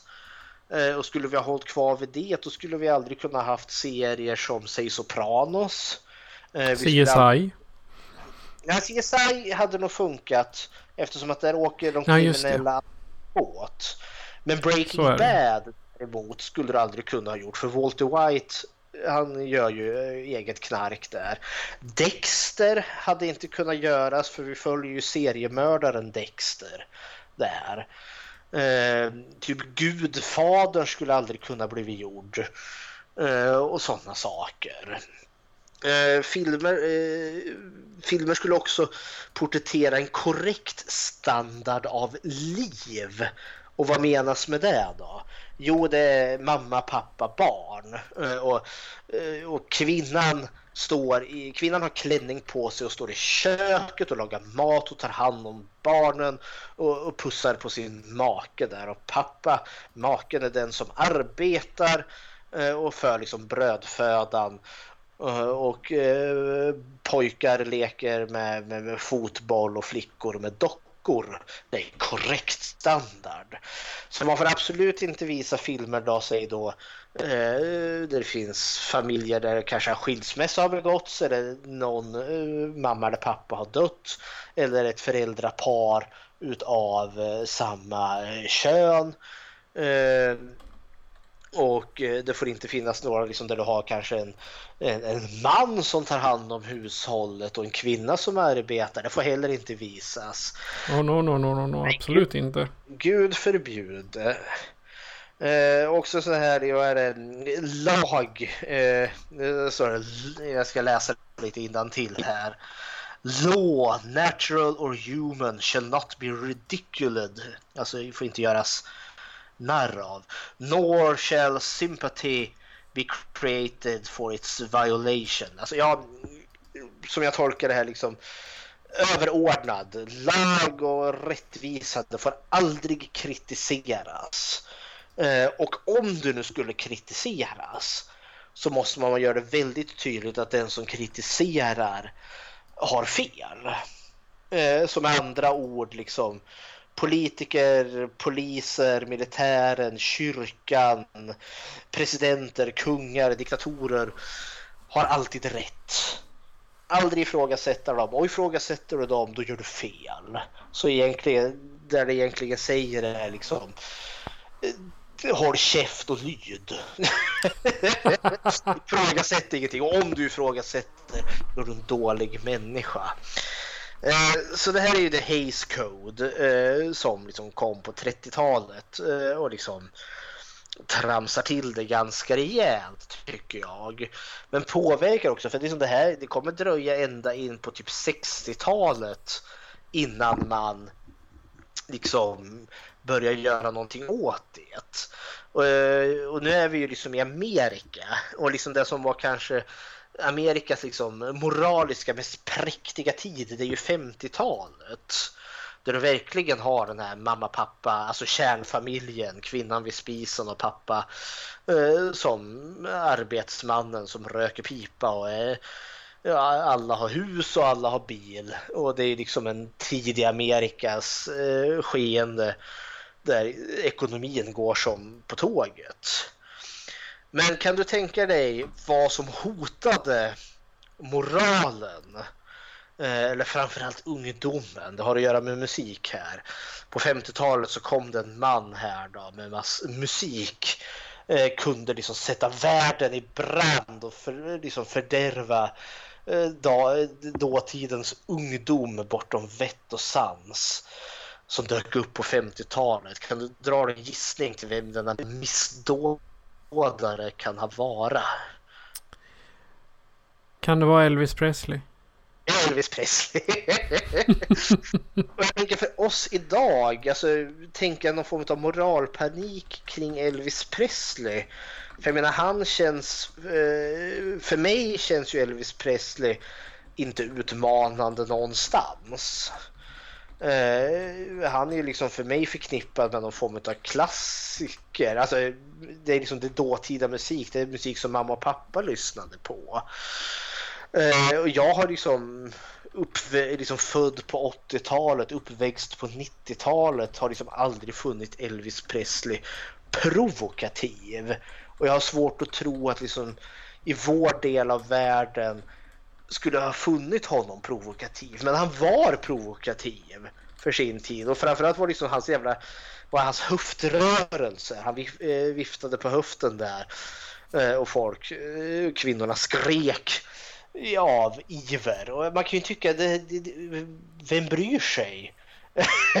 det låter så fånigt men man har ju så aktivt tryckt ner allt vad liksom som är sex och lust och erotik och liksom eh, det, det, det, får inte talas om i några som helst sammanhang. Så när Elvis helt plötsligt som ung och stilig man står och viftar på höften så blir det världens grej. Kvinnor trånar efter honom och män vill ju vara honom. Så jag tänker det är lite sånt här censur leder till. Och då ska vi då skutta till vart vi eh, hamnar. Eh, och det är ju då det som blir de här förbjudna filmerna som kanske ligger lite närmare oss. Eh, och det är ju då eh, videovåldet. Eh, eh, våldscensuren. För det ska man komma ihåg att just själva videovåldet var aldrig riktigt det som man censurerade hårdast utan det var det här sex och moral och eh, vilken hudfärg det är på personer som är ihop med vem och eh, hur man porträtterade makt eh, och eh, att man inte kritiserade sin överhet. Det var det som var viktigt. Ja, just det, innan vi vänder till, till våldet så var det någonting annat. Vad kan du tänka dig hände på 60-talet? Efter vårt jättepräktiga 50-tal där det är händerna på täcket. Man får aldrig ha sex med någon. brukar man ju alltid säga att det kommer en motkultur. Och vad tror du det är som hände på 60-talet? Pornografi. alltså in i Norden. Porr har alltid funnits, helt klart. Gudars skymning, det fanns ju porr liksom det, finns ju liksom som antika målningar, liksom romerska badhus som är liksom folk som har väldigt grafiskt har sex med varandra. Man har ju skulpterat liksom eh, statyer över folk som hånglar på varandra, herregud. Och det, jag tror jag hittat eh, så här, vad heter det, så här, grottmålningar där det ser ut som liksom, personer som har sex med varandra. Så våra, redan på den tiden vi bodde i grottorna så kunde vi göra porr. Ja, det är liksom en grottmålning. Det var deras porrtidningar. Ja, den här filmcensuren som är, alltså den luckras ju upp och det, det dyker ju upp dem hela tiden som liksom protesterar mot detta och vissa liksom gör ju sina liksom enormt provokativa filmer liksom bara för att jävlas med folk och det finns ju de som ställer sig bakom detta liksom för att man är så jävla trött på den här The, the Haze Code och liksom som dikterar villkoren. Och, och så reviderar man ju den där jäkla Hayes-koden med jämna mellanrum till vad man får visa. Det blir lite lättare i kanten och, och så vidare sådana saker. Men på 60-talet, och jag tänker just med kanske hippierörelsen, för där var det väldigt viktigt med fri kärlek och allt det där. Så sex går ju verkligen och blir en grej. Och det här är ju liksom porrteatern dyker upp. Eh, för en annan, jag måste ju själv villigt erkänna liksom min introduktion till pornografi. Det var ju liksom tidningar eh, och eh, på sin höjd då en porrfilm. Då var man ju tvungen att ha en kassett och en bandspelare. Eh, eh, tidningar fanns ju helt klart, men bandspelare och videokassetter fanns inte på 60-talet. Inte på det sättet i alla fall. Och där runt omkring på 60-talet, det är ju då liksom du får Playboy Magazine eh, med Hugh Hefner där och, och liksom som visar nakna kvinnor i mittenuppslaget där och så var det ju massa artiklar om diverse olika andra intervjuer och sådana saker. Men pornografin dyker ju upp och vi får ju liksom en eh, ja, som en eh, kvinnouppror här också. För det är liksom kvinnor som, det här brände man bhn åt helvete med de här jävla gamla eh, tramsiga liksom morallagarna. Den tidiga pornografin är ju förvånansvärt liksom kvinnopositiv om man nu kan se det så. För kvinnor eh, porträtteras väldigt som liksom sexuellt aktiva eller som sexuellt aggressiva. Det är inte ovanligt att det är kvinnan liksom som initierar samlaget som kommer. Men du får ju också liksom pornografi eh, som då är just eh, av samkönad natur. Eh, liksom, och framför allt då liksom män som ligger med andra män. Kvinnor som eh, ligger med andra kvinnor har liksom har inte varit riktigt lika kontroversiellt som just när män som har sex med män. Eh, men det här är ju självklart är det ju här liksom omoral eh, och man liksom sparkar ju bakut. Eh, men du har också liksom nu filmutrustning och möjligheter att filma sånt här eh, till mycket billigare pris än vad det hade för sig, sig tidigt 30-tal. Då var det verkligen bara Hollywood och de här stora filmbolagen som hade tillgång till sånt här. För en filmkamera var liksom ett enormt jävla åbäke eh, som liksom kostade hur mycket pengar som helst som man var liksom tvungen att köra runt på räls. 30 år senare, 60-talet, så finns det liksom något primitiva eh, men ändå så portabla vad heter det, filmkameror. Eh, för det är också liksom här på tidigt 60-tal liksom man börjar kan få liksom nyhetsreportage där man liksom eh, intervjuar folk på gatan och sådana saker. Eh, bara en sån grej. Det gör ju det enklare liksom då att filma in pornografi för vem ska hindra dig från att liksom hitta några par som jag betalar pengar till, eh, ha sex medan jag filmar er på något hotellrum någonstans. Eh, och sen liksom publicerar det. Och folk köpte ju det här. Det var liksom inte som att eh, om ingen hade köpt en enda Playboy-tidning då hade ju Hefners Playboy gått i graven. Men de sålde ju som smör i solsken. och likadant liksom, folk gick ju till de jävla porrbiograferna. Eh, så det gick ju med enorm vinst. Så att stora liksom, eh, porrfilmsbolag kunde skapas Och plötsligt liksom, de här sket ju fullständigt i liksom den jävla Hays Code eh, och allt vad det heter. De var ju raka motsatsen. Ja, då skuttar vi in på tidigt eh, 80-tal, slutet 70. För nu har vi varit inne på det här att eh, videokamerorna och möjlighet till att filma har blivit enklare för det finns enklare liksom, filmkameror. Eh, och något som verkligen har introducerats eh, är ju tv-apparaten. Den dök ju upp på 50-talet och jag menar på 70-talet då finns den i var mans hem. Tidigt 80-tal uppstår ju liksom kassetten och videobandspelaren. För innan det var du ju verkligen tvungen att gå till en biograf för att se en film.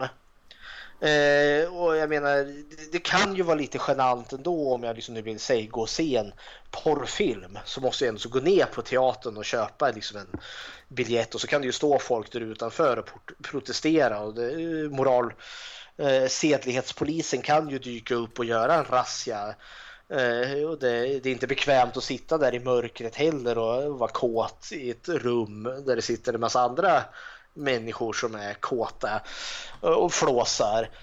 Man kanske vill ha det liksom i, i, i, i skymundan, i, som i, i, i, i skyddet av ditt privata hem. Eh, där kommer ju videokassetten och kassettbandspelaren väldigt väl till plats. Eh, så porrfilmsindustrin var ju snabb som bara den på att liksom eh, producera pornografiska filmer så att du kunde köpa med dig hem och sitta och titta på. Men vad är man säger som det brukar säljas mest? Jo, det är sex och våld. Och nu kommer våldet in i stor skala. Som sagt, det är lättare att göra film nu. Man behöver liksom inte vara begränsad till de här gigantiska vad heter det, bolagen. Det är Warner Bros, Universal, och de där som, har, som sitter på en jättestor liksom, eh, ekonomiska tillgångar och som har studiorekvisit och allt vad det är. Nu, nu kan du ju ganska amatörmässigt börja göra film. Eh, och eh, Eh, gör du en väldigt våldsam film eh, med och visar mycket våld, ja då säljer det. Så se om vi gör ett räkneexempel, liksom, du gör en eh, lätt amatörmässig film för typ 10 000 dollar som du spelar in med dina vänner under liksom loppet av ett år och sen lyckas du producera något, ja, en liten marknadskampanj och så får du liksom ut den här kassetten till hyrvideobutikerna som nu har dykt upp. Och så liksom går ju den åt som smör i solsken. Och så spelar den kanske in typ en miljon dollar eller något sånt där. Ja, det är en jäkla avkastning du. Jag har liksom tjänat 9, 990, 100, vad blir det? 990 000 dollar på det. Så då görs det ju liksom väldigt många sådana här filmer eh, som just bara då går ut på våld, våld, våld, våld, våld. En annan aspekt som också är värd att tas upp är ju att eh, Vietnamkriget är igång. Eh, och det är ett krig som går käpprätt åt helvete för Amerika. Men den visar förvånansvärt mycket vilket får folk att bli liksom, alltså journalistiken är väldigt ogenerad här. Som visar folk som har blivit sprängda i bitar och avrättningar och allt vad det nu är. Plus också att är, vi har också mordet på John F Kennedy. Så att vi har också en befolkning eh, som är ganska traumatiserad. Du har liksom hippierörelsen och sexrevolutionen. Så vi har liksom en kulmen av folk som protesterar väldigt mycket. Eh, och liksom våld och sex är någonting som har verkligen blivit någonting i var mans hem. Eh, förr eller senare kommer det ju då en motreaktion på allt det här. Eh, och då börjar det ju pratas om just videovåldet.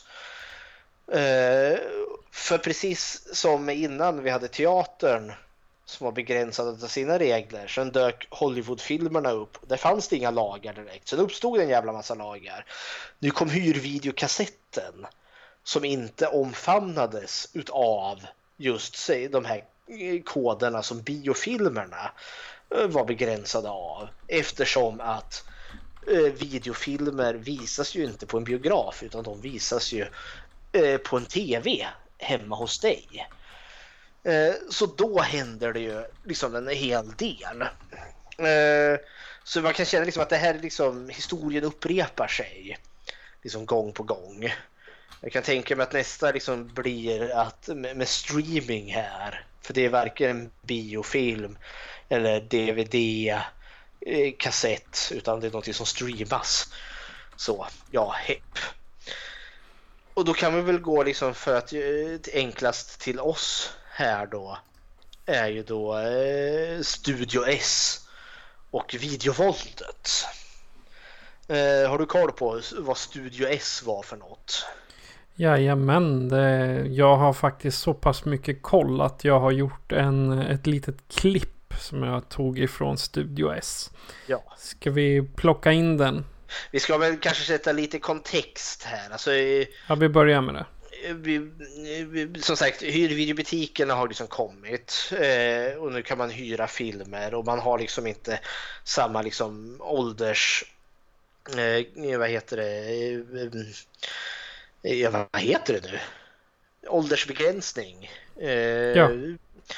Som man hade liksom när man går på film utan alltså det här var ju väldigt oreglerat.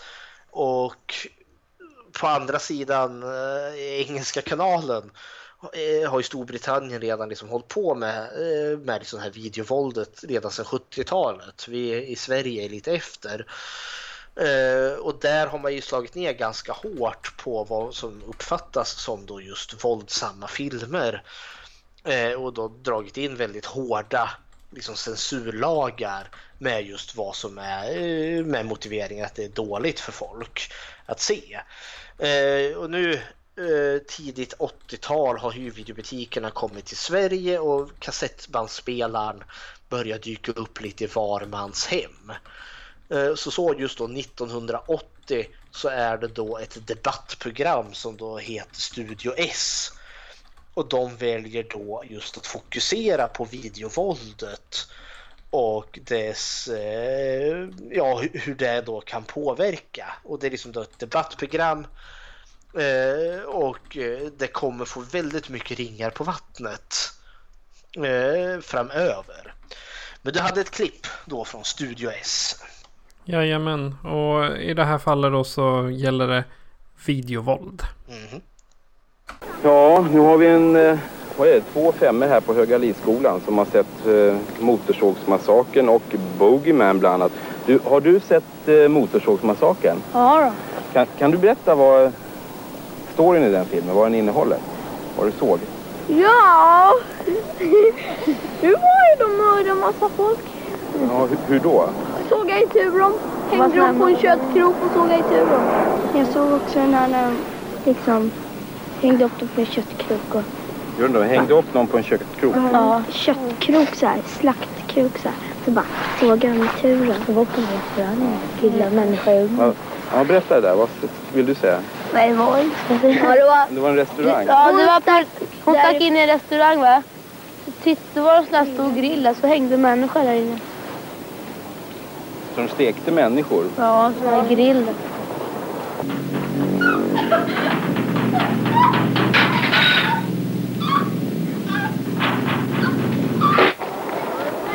Okej, hur många är det som har sett Motorsågsmassakern av er? Ja, det... Du var? Det har ni gjort. En, två, tre, fyra, fem, sex, sju, åtta. Och eh, finns en annan som heter Boogeyman. Kan ni berätta vad, vad den handlar om? Ja, det var en spegel som...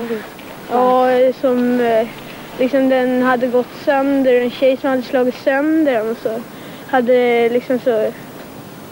Ja, så trillade en massa bitar ur den och började lysa och då hände det en massa saker. Vad var det som hände då? Att de blev mördade till exempel. Det var en som fick en kniv genom halsen och kom ut genom munnen.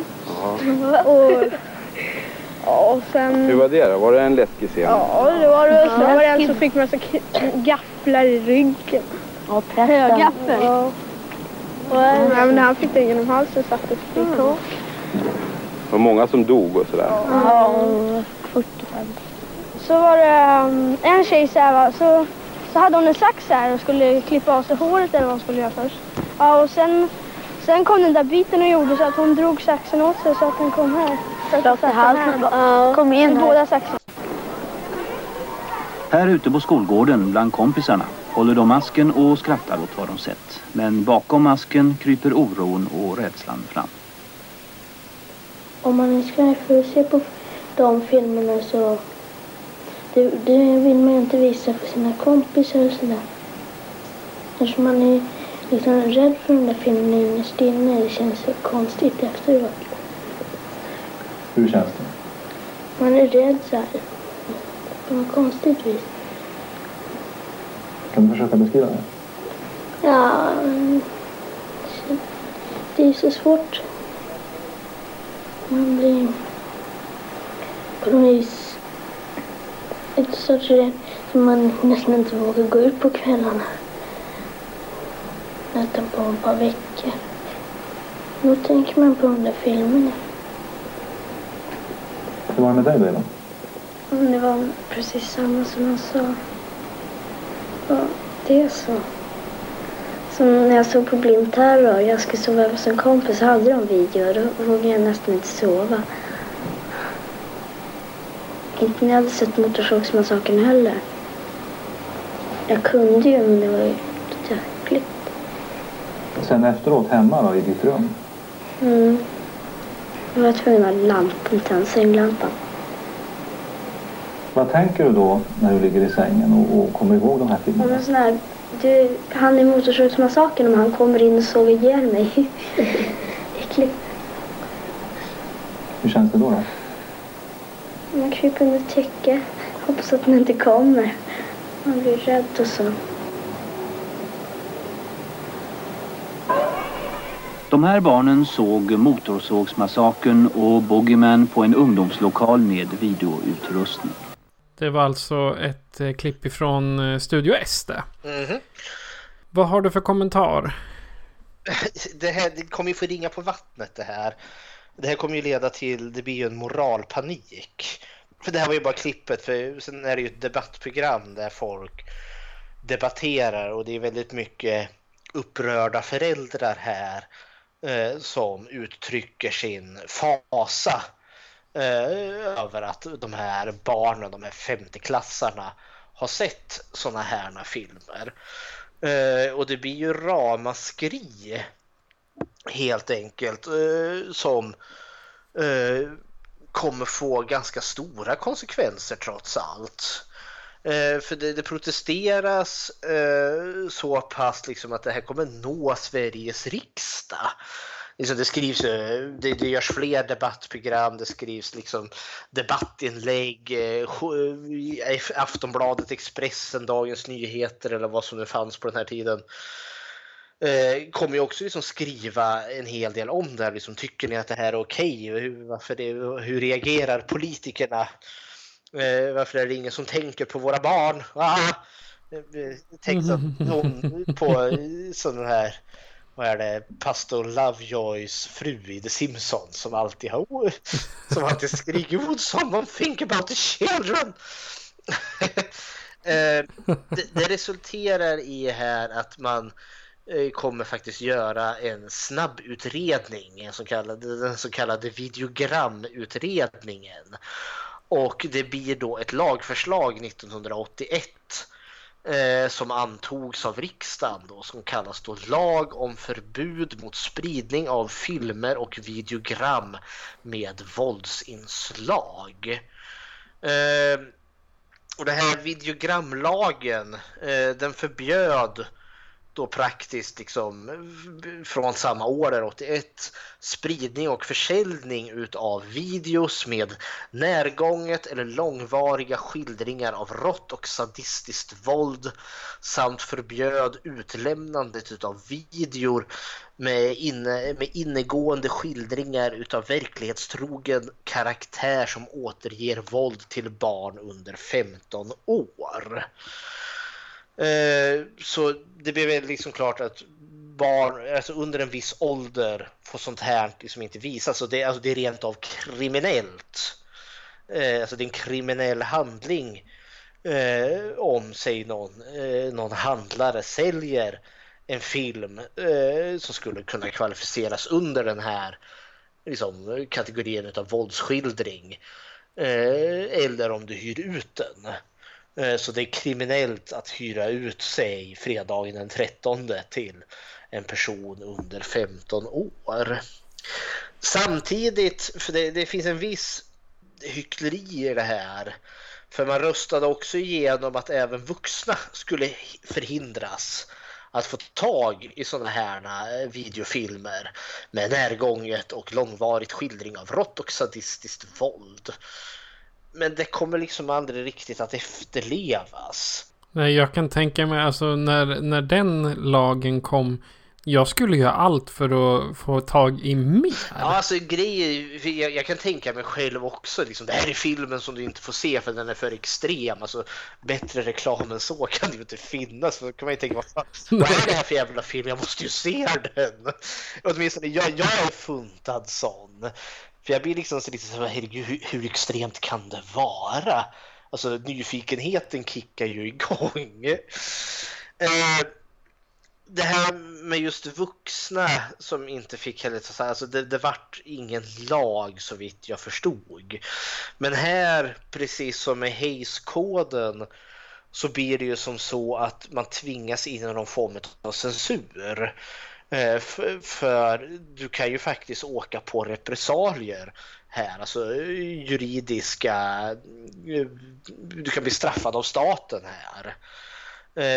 Och för det hände exempelvis 83, jag läste lite till här på Wikipedia, så var det en, kvinna i Kristianstad som hade en videouthyrningsbutik videouthyrning, hyrningsbutik och hon dömdes då till 50 dagsböter för just brott mot eh, videovåldslaget eller videogramlagen där då eh, hon eh, hade då tydligen hyrt ut en film till en 14-årig pojke då som innehöll, innehöll tortyr, mord och kannibalism.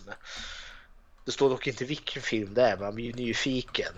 Men alltså hon fick ju då 50 dagsböter och en prick i brottsregistret för att ha hyrt ut en film som innehöll material som barn eller personer under viss ålder inte ska se.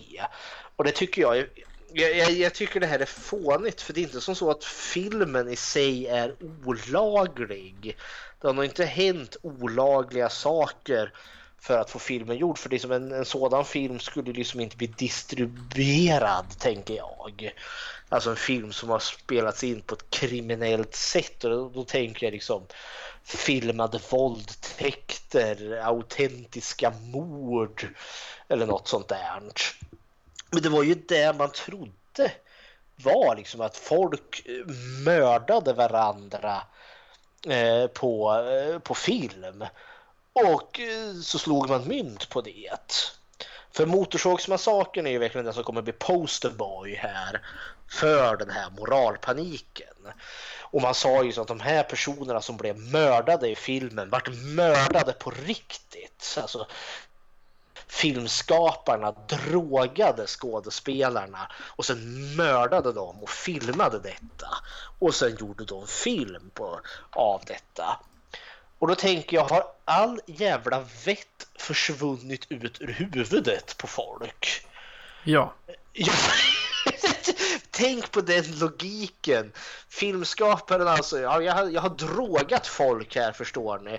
Och så har jag mördat dem eller låtit skåd andra skådespelare mörda dem. Jag styckar dem med motorsåg. Och vi filmade hela skiten. Och så har vi klippt ihop en film. Som du kan se här. När vi begår de här brotten.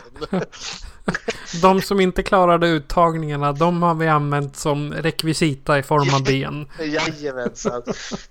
Det faller på sin egen orimlighet. Liksom, att det, det vi ser är liksom en kriminell handling. Liksom autentiska mord. Och att det liksom kan då få figurera runt liksom, som underhållning. Eh, så den här moralpaniken leder ju faktiskt till reella konsekvenser. Liksom. Eh, och det leder ju också till självcensur här.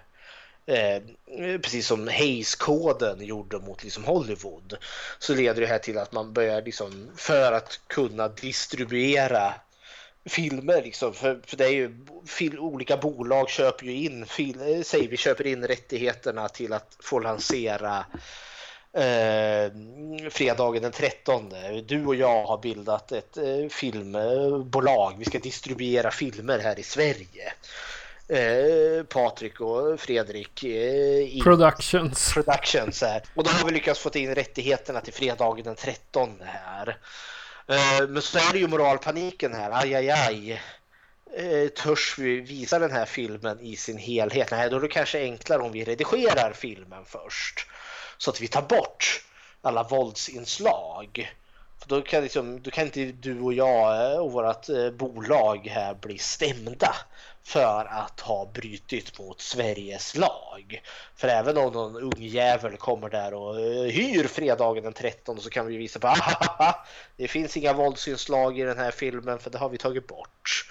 Nej, nej, nej, nej, nej. Ja, vilket också är vilket var frustrerande för mig som ung filmsamlare. För jag har bokstavligen en eh, fredagen den 13 film som typ handlar just, mest kända för sina mord. Och jag har en film, jag tror det är fredagen den 13 del 2, där det inte finns ett enda mord med i filmen. Man har klippt bort dem allihopa. Men herregud. ja, det, är liksom, det, det, är en grupp ungdomar vid en camping och sen är de inte där. de har försvunnit, ena efter den andra. Nej, men, eh, så eh, det var de liksom konsekvenserna det fick av den här moralpaniken eh, som faktiskt gjorde liksom att riksdagen reagerade och införde en ny lag. Och det som är mer frustrerande i det här är att det här Studio S-programmet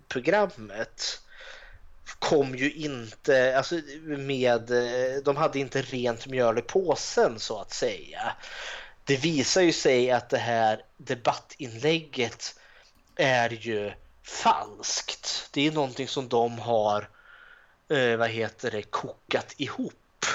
Ja, eh, och jag tänkte vi kan lyssna på det. Ja. 22 år senare alltså. Mm. Utrustning. Men om det hela handlade om moralpanik, hur var det då med de där barnen? De som enade stora delar av svenska folket bakom krav på förbud och censur. De var ju verkligen rädda. De vågade inte gå ut på kvällarna eller sova utan lampan tänd. Eller? Hur känns det? Man är rädd så här. På något konstigt vis.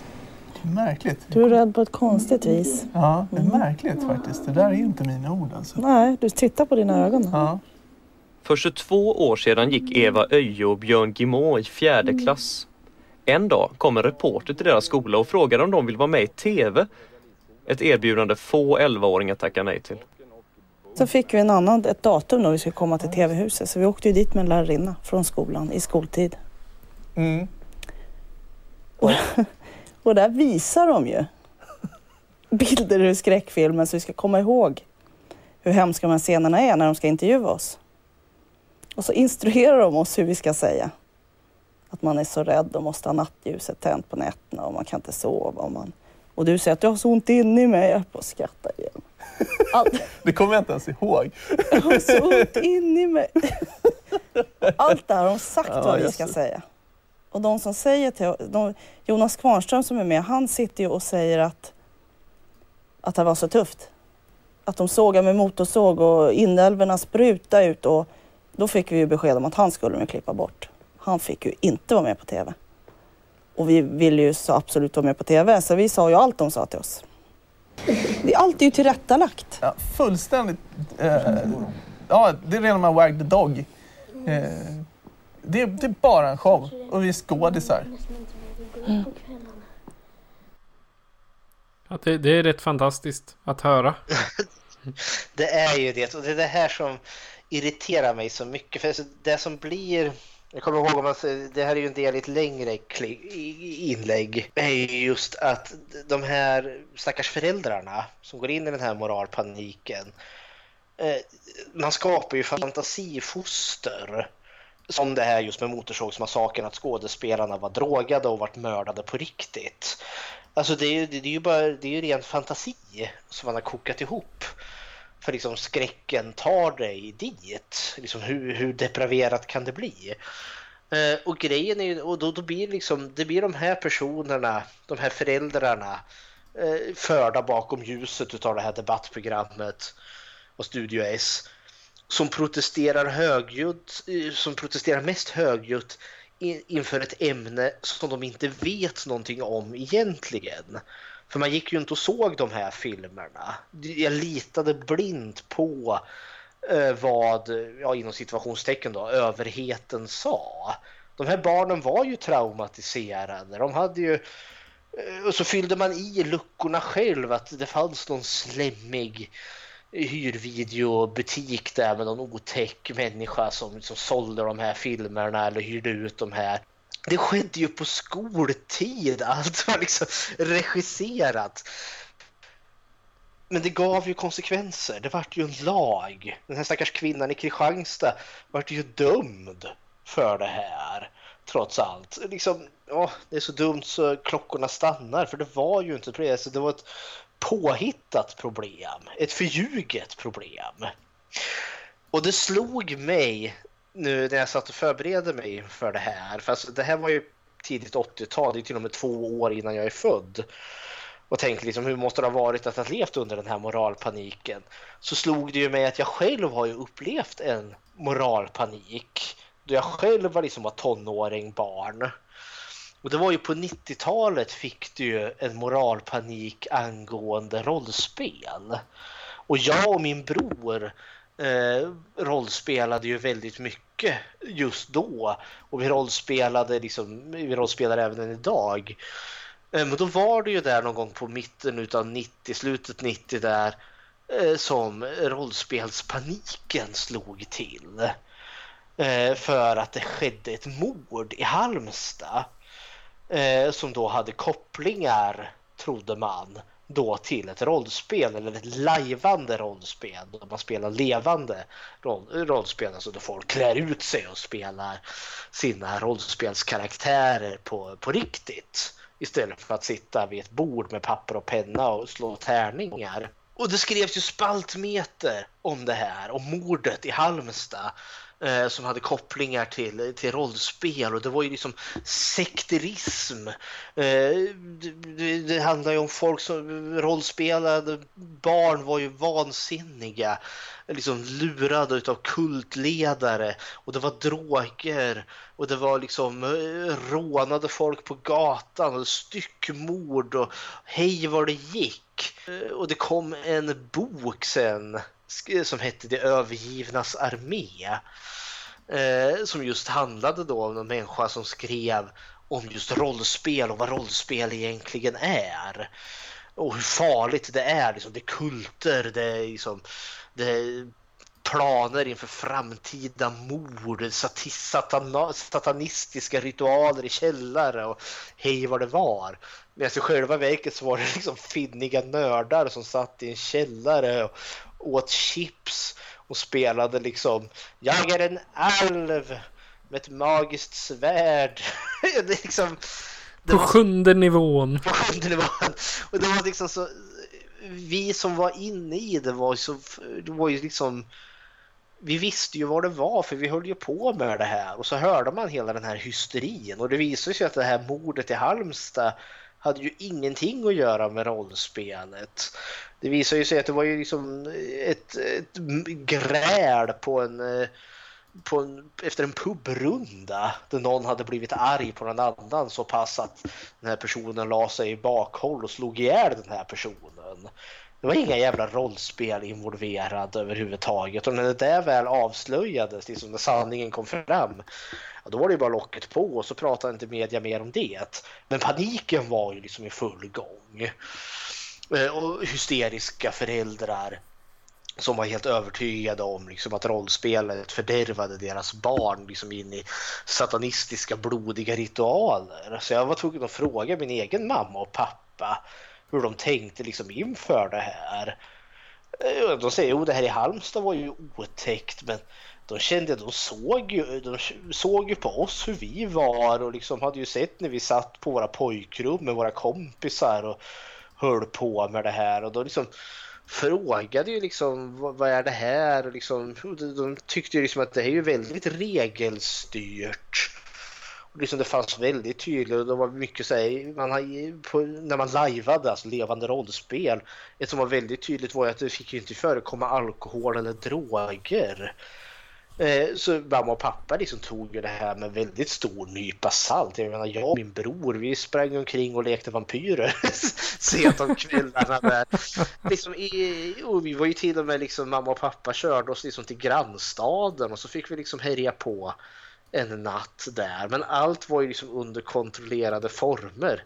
Men det var också där mamma och pappa pratade med oss. Liksom, de hade liksom en konversation och förstod ju liksom att ja, det här var väl kanske inte riktigt som media eh, skrev om det. Så jag tänker liksom eh, jag hade väl tur för jag hade ju några eh, rollspelskamrater där vars föräldrar blev hysteriska och liksom förbjöd dem. Ni får inte hålla på med det här för, för någon har ju sagt att det är livsfarligt. Och det är det som är, liksom, är det obehagliga med moralpanik är just det här att ja, men, tänk, alltså, eh, att liksom den egna reflektionen sätts ur spel. Och det är liksom bara rädslan som tar över. Och det är där liksom jag tycker det är obehagligt med censur. För det är ju att styra vad en annan människa ska tänka och tycka. Precis som med just rollspelet eller med videovåldet här. Då det visar sig att det, det de målade upp i Studio S där var ju förljuget allting. Lika som så det här med, med rollspelet och mordet i Halmstad. Det hade ju ingenting att göra med rollspel. Och något som jag tänker har kommit i efterhand, jag tänker med alla massskjutningar och sådana saker. Det är ju väldigt lätt till hands att beskylla, eh, då är det ju våldsamma videospel eller eh, ja, jag kommer ihåg när Columbine var. Då var det ju Merlin Manson och hans musik som liksom då skulle ha påverkat de här skyttarna i Columbine.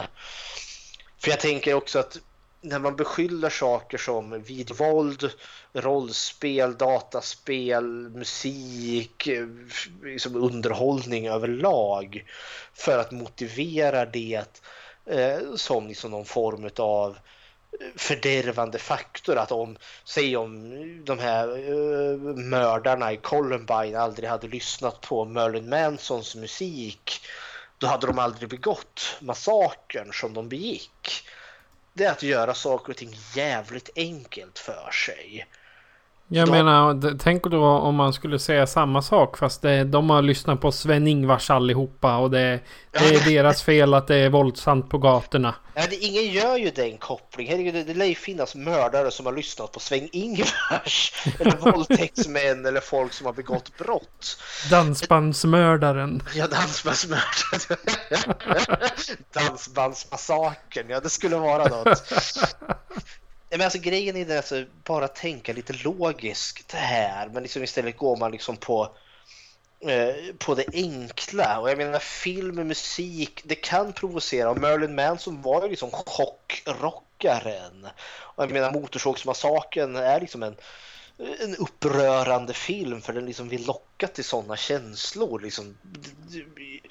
Men att då liksom säga liksom, ja men som massakern i Columbine det var Merlin Mansons fel för hon lyssnade på hans skrikande hårdrocksmusik eh, och sen mördade de gjorde de här skolmassakern.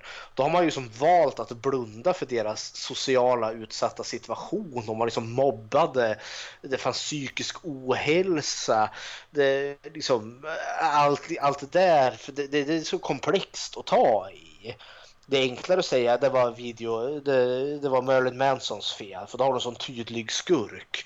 Och i det sammanhanget har du ju också det här eh, just att det finns eh, personer som har intresse av att eh, för så fort en skolskjutning sker så vi, kommer ju alltid den här debatten om att förbjuda vapen. Och då har du ju NRA, den National Rifle Association, som är en lobbygrupp som är väldigt för att alla ska ha vapen för att de tjänar pengar på det. Ja, eller så är det, ja men tänk om lärarna hade haft vapen, då hade de kunnat skydda sig. Ja, men det, det, det är ju senaste dumheten jag hör. Liksom, eh, det är bäst att eh, lärarna går omkring med AK45 så att de kan meja ner eleverna, eller den elev som kommer in med ett eh, automatvapen. Ja, det, det såg jag en, en debatt med som en person frågade president Obama. Kära president. I min stad så är det skjutningar hela tiden. Varför vill du begränsa mig från att ha min pistol som jag känner mig trygg med? Och jag kommer inte ihåg, jag kan inte säga exakt hur Obama svarade, men han drog en referens till när bilbälten började. Mm -hmm. Det här att i början då ville ju ingen ha bilbälte. Och sen hade man där två punkt så det var jobbigt. Mm. Och, och, sen sa han, men vad, händer, vad har vi idag? Vi har tre punkt och vi har typ minska död, dödligheten i trafiken med 80 procent eller vad han sa. Mm. Så jag menar, ju mindre vapen till alla desto mindre skada kan alla föra. Sen ja. det kommer alltid finnas det... ondingar med vapen. Ja, såklart att det gör. Och liksom, för det, det jag tänkte också med massskjutningar att det finns folk som har andra motiv. Eh, för det är liksom som med NRA och liksom vapenlobbyn tjänar ju pengar på. De vill inte se vapen förbjudas. Det måste vara Merlin Mansons fel eller eh, att folk inte är kristna nog. Eh, det är deras fel. Eh, eller att de har tittat på våldsamma filmer. Och samma med den här videovåldsdebatten också. Alltså det, det finns ju alltså de som har genuina intressen av någonting annat. Det ska liksom vara konservativt. Du ska leva på ett sätt eh, som är rätt och riktigt och det är vi som bestämmer vad som är rätt och riktigt. För det var ju precis den här The Legion of Decency och Hayes-koden och allt det där. Just som så att det är inte okej okay för en ljushyad person att vara ihop med en mörkhyad person. Strängt förbjudet. Det var ju liksom en av väldigt många motiv som de hade när de kom in med sin jävla censur där. Så det är alltid det man ska ha i åtanke när man börjar liksom yla om varför vill man förbjuda populärkultur? Vad finns det för baktanke? Är det bara liksom för att ja, eh, barnen inte ska se Motorsågsmassakern eller finns det någonting annat bakom där? Så ja, eh, det varit väldigt långt på just videovåld och allt det här och vi har inte ens nämnt de förbjudna filmerna. Nej, jag, jag tänkte där de här eh, förbjudna filmerna, det kan vi ju publicera. Det, det, det finns en Wikipedia-artikel om det. Så jag kan publicera den eh, på Facebook-sidan i samband med ja. Just att det här avsnittet kommer ut. Ska jag nämna det bara lite kort innan vi skuttar över på Motorsågsmassakern är ju just att eh, de här förbjudna filmerna, The videonasties, Alltså vissa filmer ansågs ju vara så pass depraverade så man kunde inte ens censurera dem. Eh, utan hela filmen måste bort. Eh, och eh, då kom ju, det vart ju den här, de, eh, England hade sin och de förbjöd en hel del filmer. Men i slutändan så vart det liksom en som kom att kallas för The Videonasty List. Alltså listan eh, över de här förbjudna filmerna och i slutändan så vart det typ 72 stycken. Jag tror de var typ 150 till en början. Och sen reviderar man om den där. Men sen vart efter filmcensurlagarna liksom luckrades upp, liksom folk lugnade väl ner sig vart efter tiden gick. Men just den här listan kom aldrig riktigt att liksom behandlas. Den föll lite i glömska. Men så har det ju blivit som en sån här just, för det finns ju kvar, The Video Nost List. Det är ingen som kommer, de här filmerna, Motorsågsmassakern är ju en sån som är på The Video Nost List.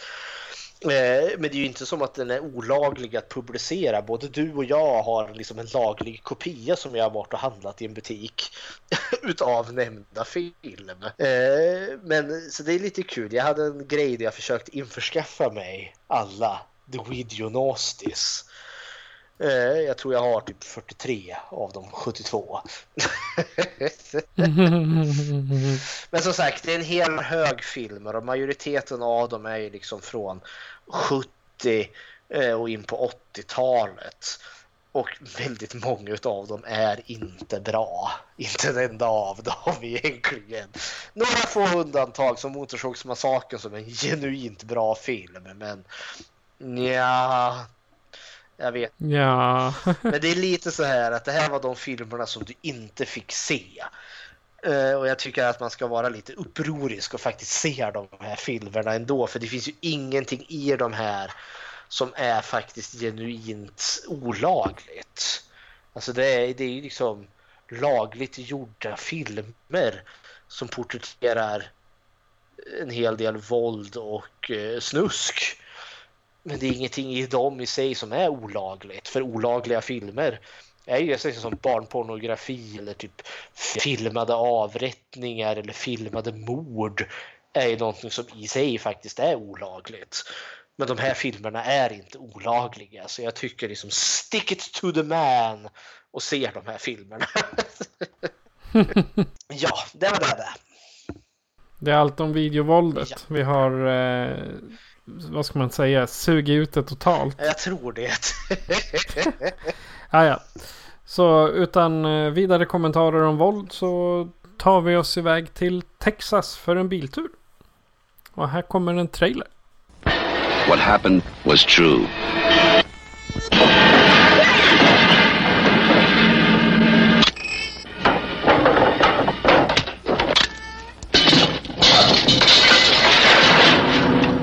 Most bizarre and brutal series of crimes in America.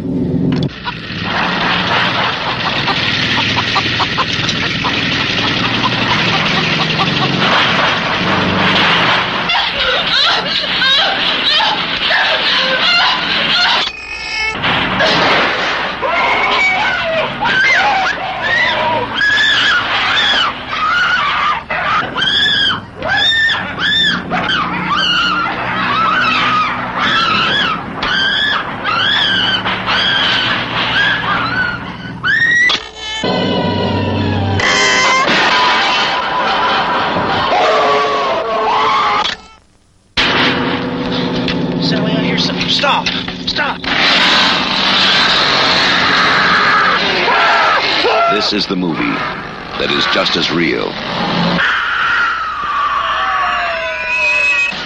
just as close. Crazy! You gotta make us stop! Just as terrifying as being there. Even if one of them survives, what will be left? The Texas Chainsaw Massacre. After you stop screaming, you'll start talking about it.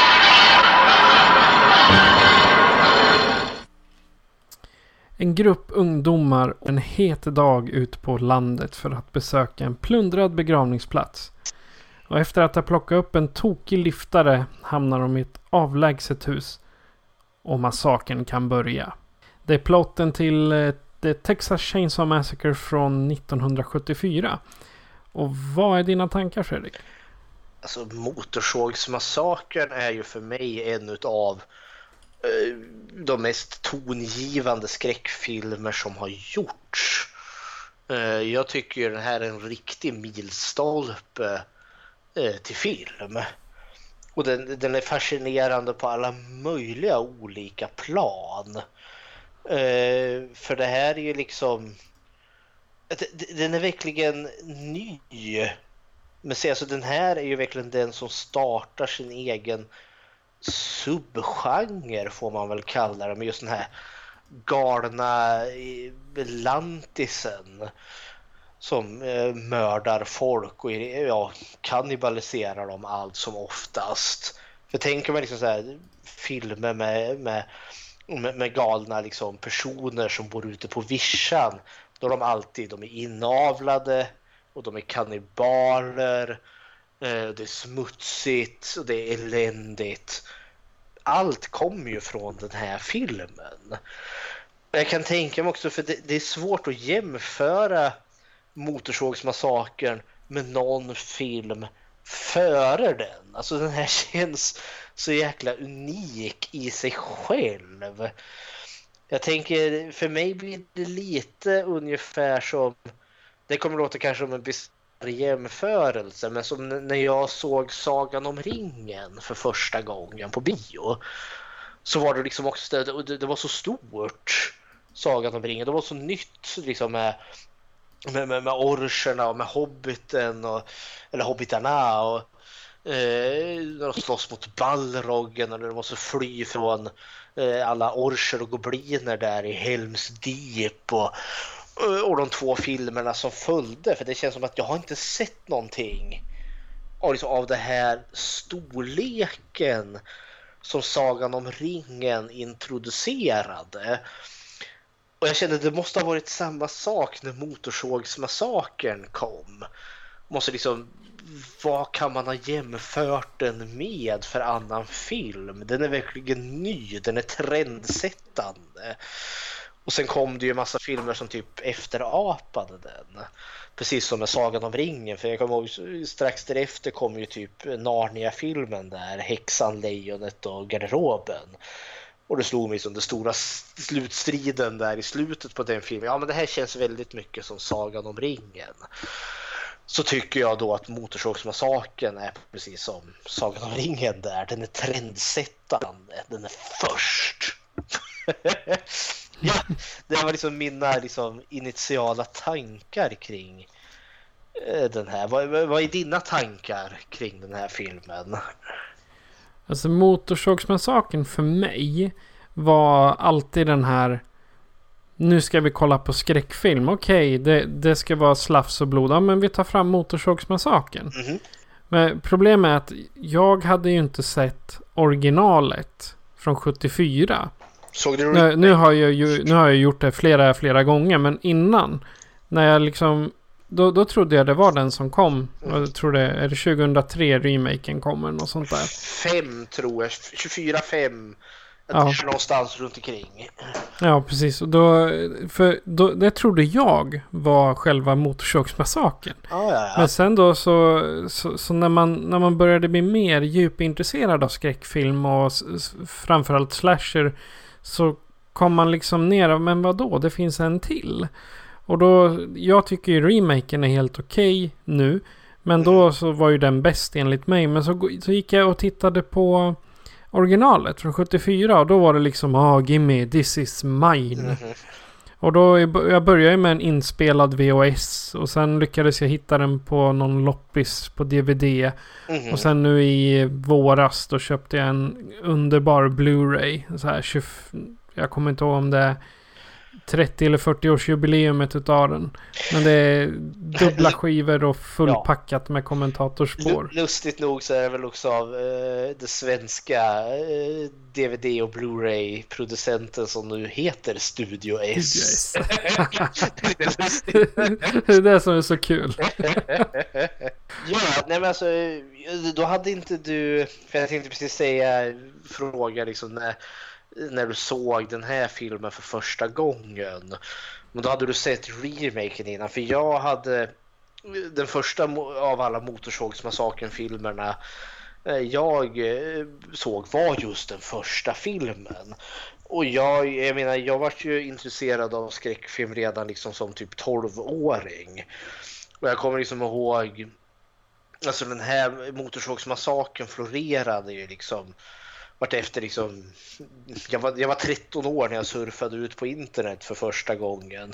Jag använde Alta Vista som sökmotor och började liksom läsa om liksom film. Och jag, jag var ju alltid intresserad av film överlag så jag läste liksom, det fanns ju så stora böcker med liksom filmrecensioner och jag fastnade ju, det var ju fredagen den 13 eh, som liksom sög in mig i, i skräckfilmsträsket. När man läste om de här liksom, filmerna så var det ju Motorsågsmassakern dök ju upp om och om och om igen. Och bara namnet i sig fascinerad i liksom motorsågsmassaker. Alltså det är en massaker som sker med en, med en motorsåg. Man såg liksom, jag fick ju liksom inre bilder över liksom sågade kroppsdelar. För det känns som en, en motorsåg. Den skulle göra så mycket skada. Det är så ett otäckt liksom instrument att använda så Jag menar Jason med sin machete eller Michael med sin kniv. Det känns liksom mer, det är lite mer filmistiskt. Liksom. Ja, en kniv, det, det har vi sett förr. Men motorsåg, det känns så rått på något vis och vänster. Så Motorsågsmassakern för mig var liksom lite som en sån här... Eh, det, det vart lite som en sån där helig ko eh, för min del. För jag läste ju så mycket om det. Jag läste ju liksom alla kontroverserna kring den här och liksom vilken exceptionell film det var. Och den var ju förbjuden långt in liksom i svensk eh, liksom filmindustri här.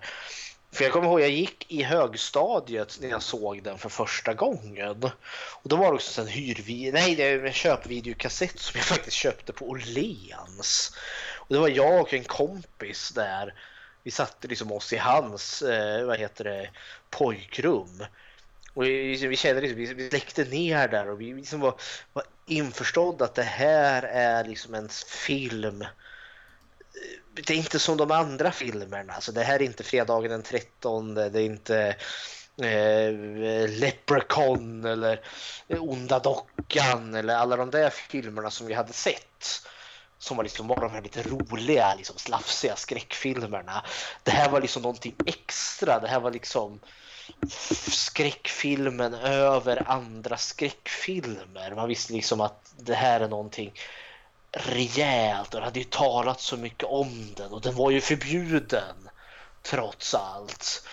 Jag tror inte jag som när jag gick i högstadiet hade koll på att den inte längre var förbjuden. Så för min del så var det ju verkligen förbjuden frukt som jag hade kommit över. Så det, det gjorde det ju extra spännande. Men sen är ju den här verkligen speciell tycker jag. Alltså den här går ju verkligen för att skapa en känsla. Och jag kommer ihåg att jag var ganska illa berörd efter att ha sett den här filmen första gången. Eh, dels också för att man var ung, jag var väl kanske typ 15 år. Men det var ju inte våldet som jag kommer ihåg tyckte var jobbigt i den här filmen. För att vara en massaker så är det väldigt lite massaker i den här filmen. Eh, för att jag har hört rykten om att det ska vara den blodigaste filmen någonsin gjord så är det ju förvånansvärt lite blod i den. De använder ungefär två deciliter blod i hela filmen. Jag, i, I mitt, eh, min Blu-ray så har jag ju ett feting-kommentatorspår med Toby Hooper, eh, vad heter han nu då, Gunnar... Ja, precis. Och sen han som var typ chef över, över fotograferingen. Där de, de sa majoriteten av blodet det används när han skär sig själv i handen i, ja. i bussen. Jajamän, och, han, och Leatherface har ju lite blod, intorkat blod på sitt förkläde där. Exakt. Men mycket mer än så är det ju inte. Och lite blod blir det väl när han liftaren blir överkörd utav lastbilen där på slutet. Ja. Men det är ju inte heller... Ja, jo visst, hon, Sally heter väl hon. Eh, hon blir ju ganska illa skuren. Men det är ju liksom, vi får ju inte se liksom när skadan sker utan det är ju snarare så att vi ser att hennes tröja är blodig. Ja. Det som jag tyckte var jobbigt som jag kommer ihåg när jag såg den första gången var ju inte våldet. Utan det var ju snarare eh, liksom Eh, hon den här sista tjejen, Sally eh, som är den enda som överlever utav det här ungdomsgänget var ju framförallt det här när hon sitter fastbunden hos den här galna familjen och hon bara skriker och skriker och skriker och skriker. Och det är så stor inzoomning på hennes öga och liksom mördarna där, den här familjen sitter ju bara och skrattar och hånar henne och är elaka mot henne det var ju det som fick mig att må dåligt. För det här var ju liksom inte, jag menar Jason, eh, Freddy Krueger och alla de där filmmördarna. Det var ju liksom, Jason står liksom, du vänder dig om, där är han och så en machete i huvudet. Slafs. Död. Och Freddy Krueger kommer med någon elak, liksom, underfundig, rolig kommentar där. Men de här, de, de bara vältrar ju sig i hennes liksom utsatthet Eh, de behandlar henne inte som en människa. Och det var ju det som var så hemskt. Jag led ju så med henne. Och det var ju det Jag tror att eh, de två lantisarna i Deliverance. De som tillfångatar två Ja. av dem och ska våldföra sig på dem. De, alltså, jag, jag, jag gör en koppling däremellan för de är verkligen exakt li, lika, vad ska man säga, känslolösa. De, de roar sig på deras bekostnad. Och även om de tycker ber att nej det gör ont, eh, låt mig vara.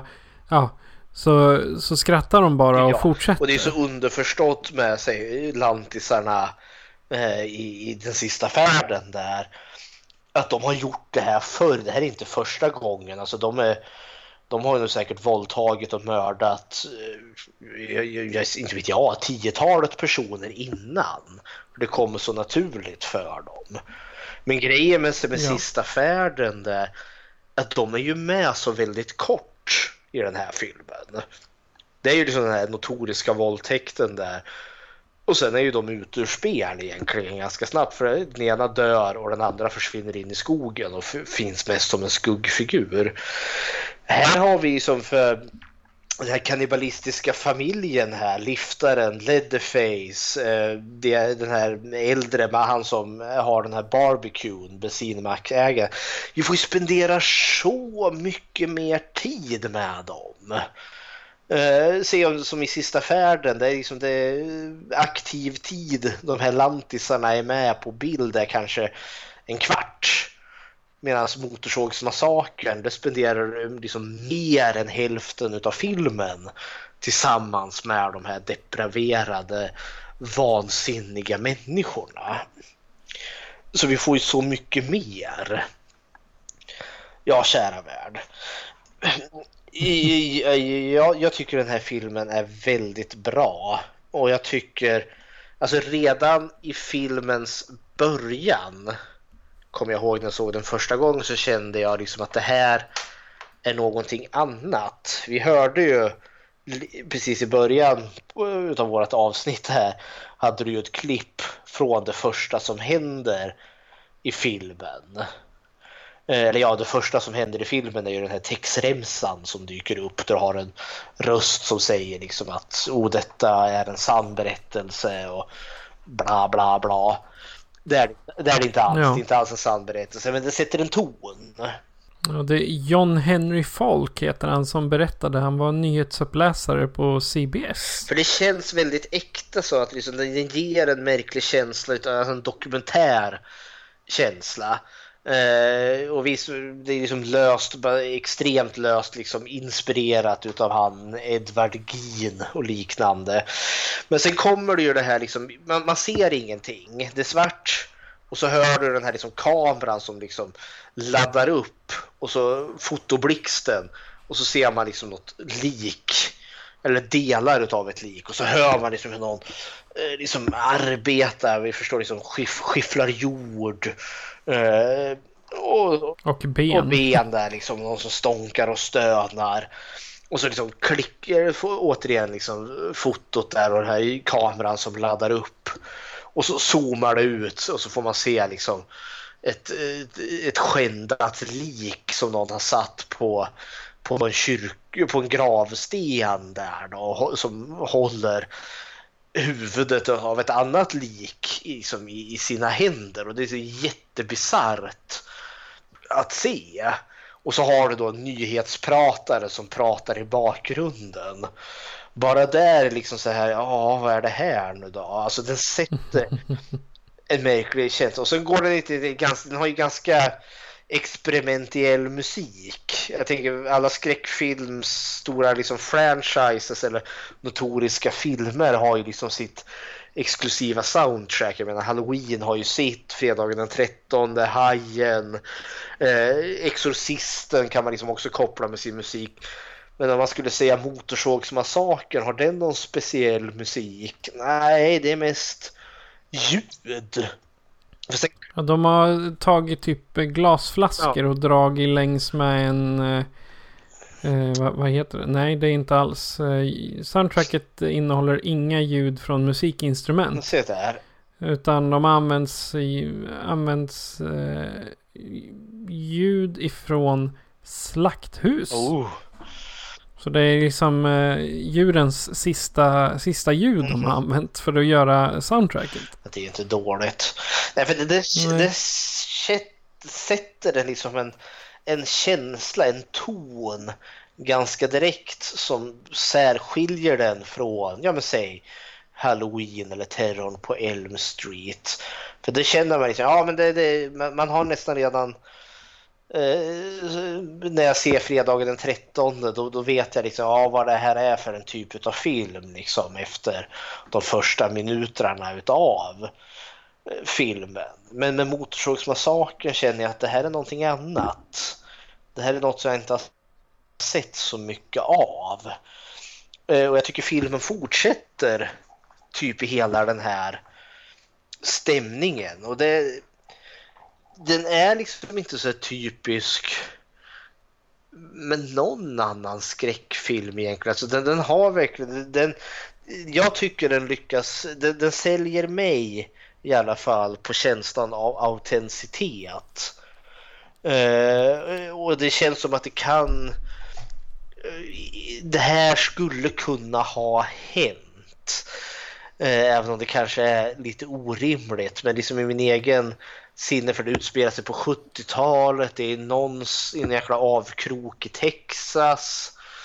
De är ju långt, långt in i typ öknen Ja. också. För det som, eh, som det där, det där huset, det, det skrev de ju in enbart för att få det här första huset de stannar i ödehuset. Ja. De skrev ju bara in det i, ma- i manuset i efterhand för att det skulle få den här känslan av att ja, de går in längre in i buskaget, bort ifrån vägen och bort ifrån allt vad mänsklighet heter. Ja, de är långt ifrån civilisation och Precis. långt ifrån hjälp. Eh, det, det orimliga i den här filmen är väl kanske den kannibalistiska familjen. Att vi har så många störda människor i en och samma släkt. Det, det känns orimligt. Eh, om man nu ska säga, det är det enda som spräcker illusionen för mig. Men allt till dess är liksom, eller förutom det är liksom, ja, det, det känns äkta på något vis som vänster. Eh, vad ska, ska vi prata om eh, de här ungdomarna? Vad vi tycker om Ja. dem? Ska vi, vi, vi kan väl ta eh, Sally sist då. Ja, jag vet inte, vi kan väl nämna dem allt som allt vad vi tycker. Jag har inte ens koll på vad alla heter. Sally är ju vår final girl Ja, hon är ju den som överlever alltihopa. Eh, och så Ja. finns det ju Pam, är väl den andra tjejen. Ja, hon blir ju spetsad av en Ja, köttkrok. hon som han, så notoriskt nog hamnade på köttkroken. Eh, och Pam har ju någon pojkvän och Sally har också någon pojkvän. Deras namn kommer jag inte ihåg alls. Pams pojkvän tror jag är Jerry. Mhm. Jag ska titta hur han ser ut bara. Eh, nej, han heter Kirk. Pams Och då är pojkvän. det Sallys pojkvän som heter Jerry då. Ja, jag tror det. Eh, Jag kan ju titta på en bild här. Då ser man ju vem, vem som är vem. ja, jag, eh, av ren skär uteslutningsmetod tänker jag. Ja. Jo, det är... Så är det. Och eh, Franklin är ju då Sallys bror som sitter i rullstol. Ja. Eh, känslan jag har, alltså, de känns som att de här är typ universitetsstudenter. Som är Ja. till liksom, eh, som har något sommaruppehåll eller något sånt där. Och ska göra någonting tillsammans. För riktigt varför de är ute och åker i Texas är inte riktigt klart för mig. Alltså det, det, De, de ska besöka eh, någon, en farfars grav. Sen vem, vems farfars grav, det är lite osäkert. Ja, men jag tror det är Ja, men det är Sallys. Sally. Ja, men det, det är ju med i början. Men jag fick undran om är det verkligen därför? För det här känns ju som att det är ett gäng vänner som är ute på eh, alltså någon roadtrip. De ska göra något kul tillsammans. Så jag har alltid tolkat att den här kyrkogårdsplundringen har bara blivit liksom ett stickspår för de har hört det liksom, oh, det är någon som plundrar kyrkogårdar men våran farfar finns ju där någonstans eh, begravd. Kan vi åka dit och kolla och se om han eh, om hans grav är orörd eller inte.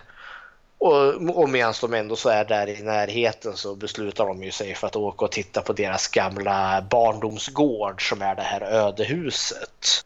Så jag har alltid undrat liksom vad är, jag har alltid tolkat det här liksom som att det är någon form av avstickare. De var på väg någonstans. Om de skulle till någon konsert eller om de skulle åka och bada eller ja, något sånt. För det, jag känner inte riktigt att man samlar ihop liksom vännerna för att åka och kolla på om farfars grav har blivit plundrad eller inte. och jag får inte, riktigt, de... jag får inte riktigt den stämningen utav gruppen heller.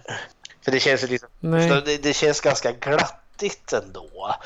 Jag menar Sally och Kirk, de vill iväg och bada. Och, eh, nej, eh, Pam och Kirk ska iväg och bada där. Och Pam sitter i bilen och bubblar om horoskop. Och det, det är ganska glad stämning. Jag tänker, var, var tanken liksom att de skulle eh, liksom, eh, kolla om farfar ligger kvar i sin grav eller inte så känns det som att stämningen borde vara tryckt. Det känns jag tycker stämningen är positiv i den där lilla skåpbilen. Så jag alltid undrar vart är de på väg? Men jag får inget svar på det. Nej, det, det, framgår ju aldrig överhuvudtaget. Nej. Det känns mer som att de bara är ute för att se sig omkring. ja, det känns som att de är på väg. Något kul ska de göra och det här är ett stickspår som de aldrig skulle ha tagit. Nej, precis. Jag har eh, den karaktär som sticker ut. Eh, åtminstone för mig och säkert många andra är ju Franklin som sitter i rullstolen här. Eh, vad tycker du om honom? Alltså jag eh, delar eh, känslan som typ alla skådespelarna hade gentemot Paula och Pertan eller hur han uttalas, det vill säga Franklin. Mm. Typ alla avskydde honom. Yes. det var ing, ingen som tyckte om honom för han var så inne i den karaktären han hade fått att han skulle vara en skitstövel. Oh, ja. Och var han så inne i den att till och med utanför kameran så betedde han sig som en idiot. Och plus att det var, det var lite osäkert om han verkligen var rullstolsbunden eller ej. För han klev aldrig ur rullstolen när de var på sättet. Jaha, kära någon. Han var så, ja, och var så inne i sin karaktär.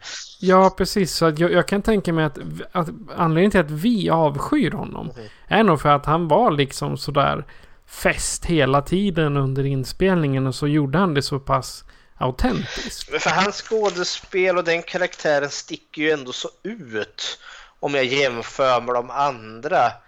Eh, jag menar Kirk och Pam och Jerry eh, är ju, ja, de sticker inte ut på något vis och vänster och eh, känns ju lite som kanonmat. Eh, men Franklin sticker ju ut. Liksom, den karaktären kommer man liksom genuint ihåg. Förutom mördarna i den här filmen, för de sticker ju också ut. Men jag tänkte liksom... Eh, jag har försökt fundera kring karaktären Franklin. Alltså ska, är han bara liksom så enormt osäker i sig själv? Det är därför han är så liksom extremt jobbig som han är? Eller ska han föreställa att han är liksom är förståndshandikappad på något sätt?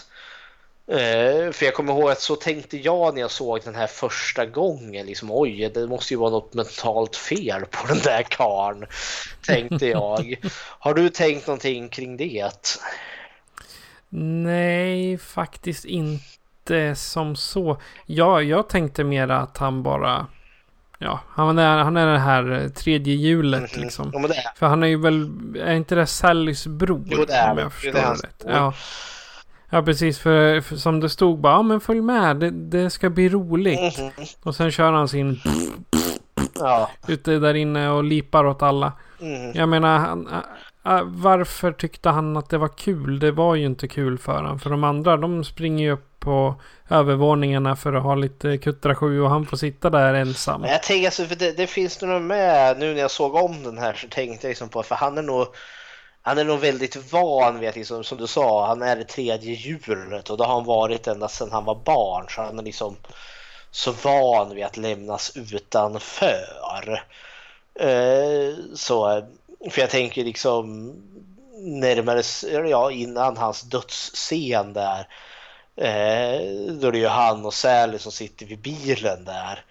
Och hon, hon beslutar sig för att liksom, ja men nu går, går jag och letar efter Jerry där då. Och han vill ju följa med för han vill inte bli lämnad kvar ensam. Men det är ju nästan till ogörligt för de ska ut i skogen och liksom eh, han ska liksom han sitter i rullstol. Eh, men jag tänker liksom att det finns ju med, alltså han har säkert varit lätt att överge konstant för han har liksom bara varit i vägen. Och då tänker jag då kanske man får det här liksom utåtagerande beteendet för han är ju så jävla störig. han, är, alltså, han är otrevlig. Han, för jag vet, är det inte när, när de sitter i bilen där att han håller på och skjuter typ blåbär på dem eller?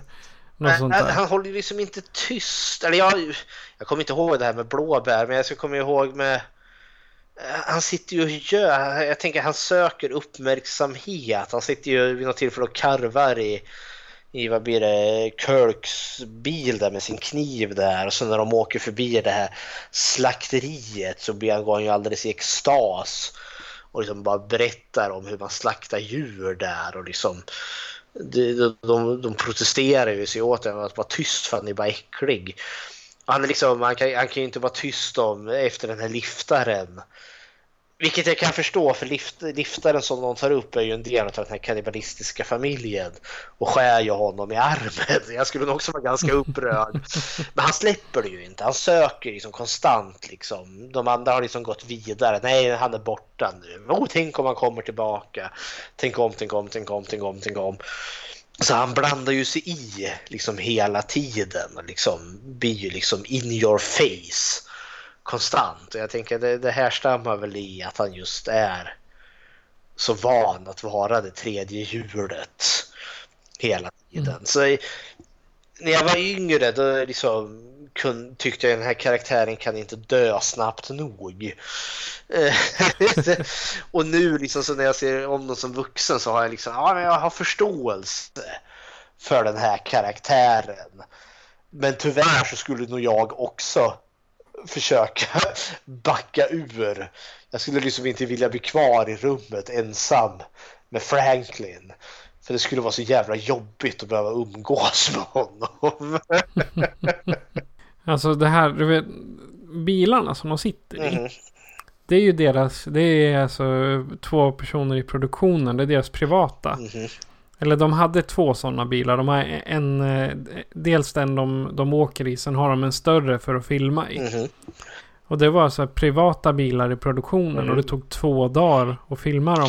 Kan du tänka dig alltså, den här genuina irritationen på slutet. Mm. Det måste ju bero på hur jäkla varmt det var i dem. Dels för det här är ju riktigt lågbudgetrulle. Uh, så vitt jag vet. Alltså, för det är ju ett studentprojekt som Toby Hooper gjorde. Uh, och den här amatörmässiga kvaliteten i den förhöjer ju effekten utav det här autentiska som den här filmen har. Ja, de hade bara typ 300 000 dollar i budget. Ja, det, det, det, är ju, det är ju ingen skitsumma det är inte, så det är ju en hel del pengar. Men alltså det är ju väldigt långt ifrån en stor budgetfilm det här. Ja, ja, ja. Herregud. Skräckelementen i det här, för jag tänker man kan dela in den här. Eh, vi har talat om ungdomarna. Eh, vi kan tala om huset, liksom miljön och så kan vi tala om skurkarna, eh, våra mördare. Jag tänkte vi skulle hoppa över till eh, liksom huset, effekten, men så slog det mig, vi måste ju prata om Sally också. The Final Girl, vi får inte glömma bort. alltså Sally, hon är den enda som jag genuint fattade tycke för från mm. första början. För det, dels så är hon, hon är, hon är liksom vänlig mot alla samtidigt som hon har en sån här vass tunga. Hon är och det var samma, samma sak med, med Hooper och de, de hade skrivit henne så. Mm -hmm. Att de skulle vara snäll men rättvis. Mm -hmm. ja, men hon, hon, hon, är hygglig, alltså jag, jag, jag gillar också Sally. Det är egentligen det är, det är ingen av de här ungdomarna förutom Franklin som jag inte tycker om. men, men de andra, typ Kirk, Jerry och Pam, är väldigt lätta liksom att glömma bort. De är väldigt mycket bakgrundsfigurer. De är kanonmat. Ja, med, ka- med visst undantag för Pam, för hon, hon får ju lite så här karaktär. Hon sitter och läser horoskopet och sådana saker och hennes dödsscen är väl också den som egentligen är mest utdragen där hon placeras på köttkroken eh, för att sen hamna i frysboxen. Så, så hon sticker ju ut på det sättet. Men det är ju som inte direkt hennes stora personlighet eh, och skådespel som jag minns henne ifrån. Eh, Sally, alltså hon, den skådespelerska, hon borde ju verkligen ha fått en eloge hoppas jag. För hon blir ju verkligen utsatt för mycket. Den tjejen. Alltså de hade på, det, det är ju vid ett tillfälle som hon hoppar ut genom fönstret. Mhm. Det vet jag de berättade där var enda, enda stället i hela filmen som de hade en stunt dubbel. Ah, okej. Men eh, för stuntdubbeln landar ju på en madrass. Men hon, hon skulle liksom hoppa kanske en, en halv meter för att liksom få till det när hon landar. Hon lyckades skada sig på det. Ja, ja, ja, men alltså, allting går ju. Eh, Men eh, jag tänker, för hon, hon blev verkligen härjad. Eh, och jag tycker verkligen att eh, det, är aldrig i filmen... Fra, Franklin är jobbig med allt hans jävla gnäll. Eh, Sally får ju väldigt mycket, alltså hon är ju alltså, närmare slutet utav filmen. Hon gör ju inte mycket mer än att bara skrika. Eh, och där kan man ju tänka, jag borde kanske bli irriterad på det efter ett tag, men jag blir aldrig det. Eller jag blev åtminstone inte det. För jag är så tagen, jag är så, jag är så fast i hennes skräck. Jag har sån sympati för henne och i den situation hon befinner mig i så jag känner liksom inte, och kan inte bara någon gå och såga huvudet av henne så att det blir tyst någon gång. Utan eh, jag, är liksom, jag är i hennes situation och känner den här jävla skräcken. Att vara i det här jävla skräckkabinettet som är den här kannibalistiska familjens hus. Sen måste jag vidare, alltså, mm, när hon blir jagad utav Leatherface för första gången. Eh, det är ju efter att hon har kört ut Franklin i skogen där och Franklin blir sågad i bitar med motorsågen där. Han blir sågad, sågad i mitten. Det är där, som de här fem, femteklasserna säger. Åh, så såga en arm i mitten. Man får ju ingenting se där, det låter ju jättegrafiskt men man får ju aldrig se motorsågen träffa honom. Utan det är alltid... Nej. Eh, Men det är alltså hon, jag tycker den här, för, för det kommer ju en ganska lång jakt där efter att uh, han, lite Face dödar Franklin med motorsågen så börjar han ju jaga Sally. Och hon springer ju i skogen, eh, hon springer till hus, vilket är det här kannibalernas hus och blir ju jagad av honom där. Eh, hoppar ut genom fönstret, eh, blir jagad av honom igen eh, och till hela vägen till den här bensinmacken. Där hon äntligen då liksom eh, inte längre blir jagad utav Ladyface. Så jag menar hela den här jakten pågår kanske i en typ sådär 10 minuter eller något sånt. Så det är väldigt intensivt och det är verkligen som hon, hon måste tänka snabbt och hon måste liksom eh, aldrig en enda gång känner jag liksom under den här processen, åh jävla idiot, varför, varför gör du inte så? Utan allting känns, det känns trovärdigt tycker jag. Ja. Eh, Det, liksom, alltså, hur hon agerar i sin skräck och sin panik. Och en annan del som jag tycker den här filmen gör som jag inte ser i många filmer som jag skulle vilja efterlysa, som jag skulle vilja se mer av är ju just att liksom vi får både se Sally och Leatherface i samma scen. För jag tänker det är som när man filmar en jaktscen så är det som först har vi personen som blir jagad. Man ser ett klipp på den personen som springer och så klipp över till personen som jagar. Och som kommer efter då är de med Leatherface med motorsågen. Men här är det flera gånger då jag får se, eh, alltså man har en stillkamera. Och man ser Sally kommer springande så ah! eh, och liksom försvinner ner med liksom en mindre figur. Och sen kommer Leatherface eh, efter. Uh, säger han också faktiskt. Nej men det är just det, jag kan verkligen se avståndet mellan dem och se liksom hur pass nära eller hur pass långt bort han är. Och det var något jag tänkte på när jag såg den här igen. För i början utav den här ganska långa jakten, då är han relativt långt bort. Men sen liksom närmare slutet, precis innan hon kommer till bensinmacken, då känns det, åh gud vad han är nära. Alltså liksom hon, han är inte mer än en halv meter bakom henne. Då han verkligen liksom, mest var det som en vit prick längre bort och nu är han liksom så pass nära så liksom hela han och hans stora kroppshydda liksom tårnar över henne. Och det kommer jag ihåg, liksom, jag varit alldeles svettig när jag såg den här filmen första gången. För det är verkligen känslan av att nu får det inte gå fel. Nu är det verkligen livsfarligt om hon skulle snubbla. För då är det kört, för då är han över henne direkt. Det blir mos av henne bara av eh, hans eh, kroppshydda. Jag menar, vad, vad, kan han väga? 150 kilo eller någonting? Han är ju väldigt stor. Helt klart. Men där, liksom, där gjorde det så effektfullt tycker jag. Som jag inte tycker att jag har sett i så många filmer. Att jag både får se den som blir jagad och den som jagas samtidigt. Nej, det, annars brukar det vara att man har eh, att uh, själva kameran åker på ett räls. Mm. Och man, man ser den som blir jagad och sen eh, liksom ser man antingen när de kommer upp, kommer ifatt dem eller om de lyckas fly. Mm. Liksom successful så att säga. Ja. Hur är det med kannibalfamiljen? Ja, jag tänker jag skulle vilja skutta till, till huset. Till miljön. Ja, just det. Ja, där kan det barnfamiljen ja, bo. Okay. Det, det, hänger så väl ihop. För jag tänkte, det, det tar ju faktiskt en liten stund innan vi får, alltså innan vi ens möter kannibalfamiljen. Vi möter ju liftaren innan, men det är ju innan vi vet att han är en del av den här kannibalistiska familjen. För jag kommer ihåg att nästan som att själva huset och dess interiör är nästan som en karaktär i sig själv. Jag tänkte första gången vi får se huset är ju när Pam och Kirk eh, är, på, eh, är, ute och går och de letar efter en sjö eller en flod att simma i. Och så hör man ju den här liksom generatorn som står och eh, brummar någonstans för de är i behov av bensin till sin bil och tänker gå dit för att fråga om de inte kan få låna.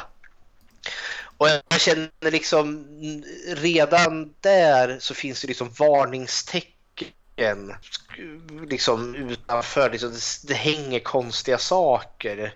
De som alltid har fastnat i mig är att i en buske så hänger det liksom ett det är sånt här ett fickur, du vet, sån här rund. Som man ser man plockar upp en bröstficka mm. och sen vrider de upp den. Det hänger en sån ifrån ett träd med en stor järnvägsspik som man har slagit igenom den. Det hänger en massa andra konstiga saker där också men den har alltid fastnat för mig. Just eh, den här liksom fickuret med spiken igen. Det känns så märkligt. Varför gör man något sånt? Men jag tänker liksom, där är liksom en varning för det, är inte, inte normalt. Vem slår en spik genom ett fickur och hänger upp det i ett träd? Jag tänker att det är som en varning. Alltså sen att man, där fickuret är väl ganska litet så det är svårt att se det, men ändå. Ja, men så det är ju en hint. Här är, det här är en onaturlig plats. Det här händer saker som man vanligtvis inte gör.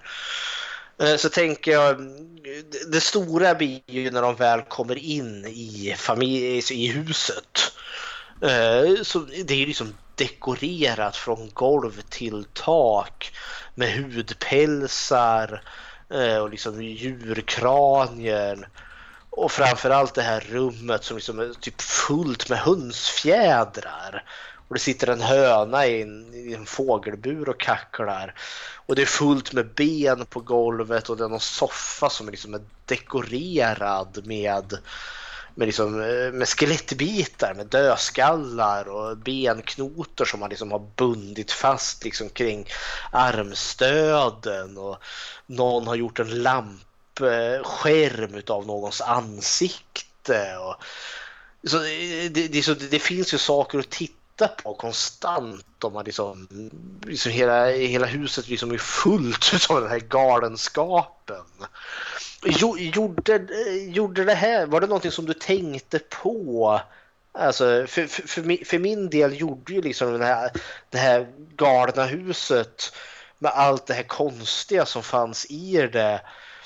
Kroppsdelar uppspikade på väggarna. Så, liksom, det i sig ökade det här jävla obehaget för mig något så markant. Var, var det något som stack ut för dig liksom, som vad, vad tänkte du ens på deras eh, interna design utav sitt hus?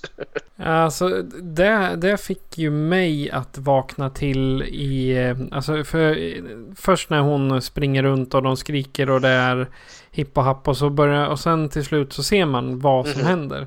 Eller vad, vad det är hemma hos dem. Då går det ju upp för en att aj då. Här, här ska de helst inte vara. Mm. Det är inget, ingen, ingen bra plats att vara på.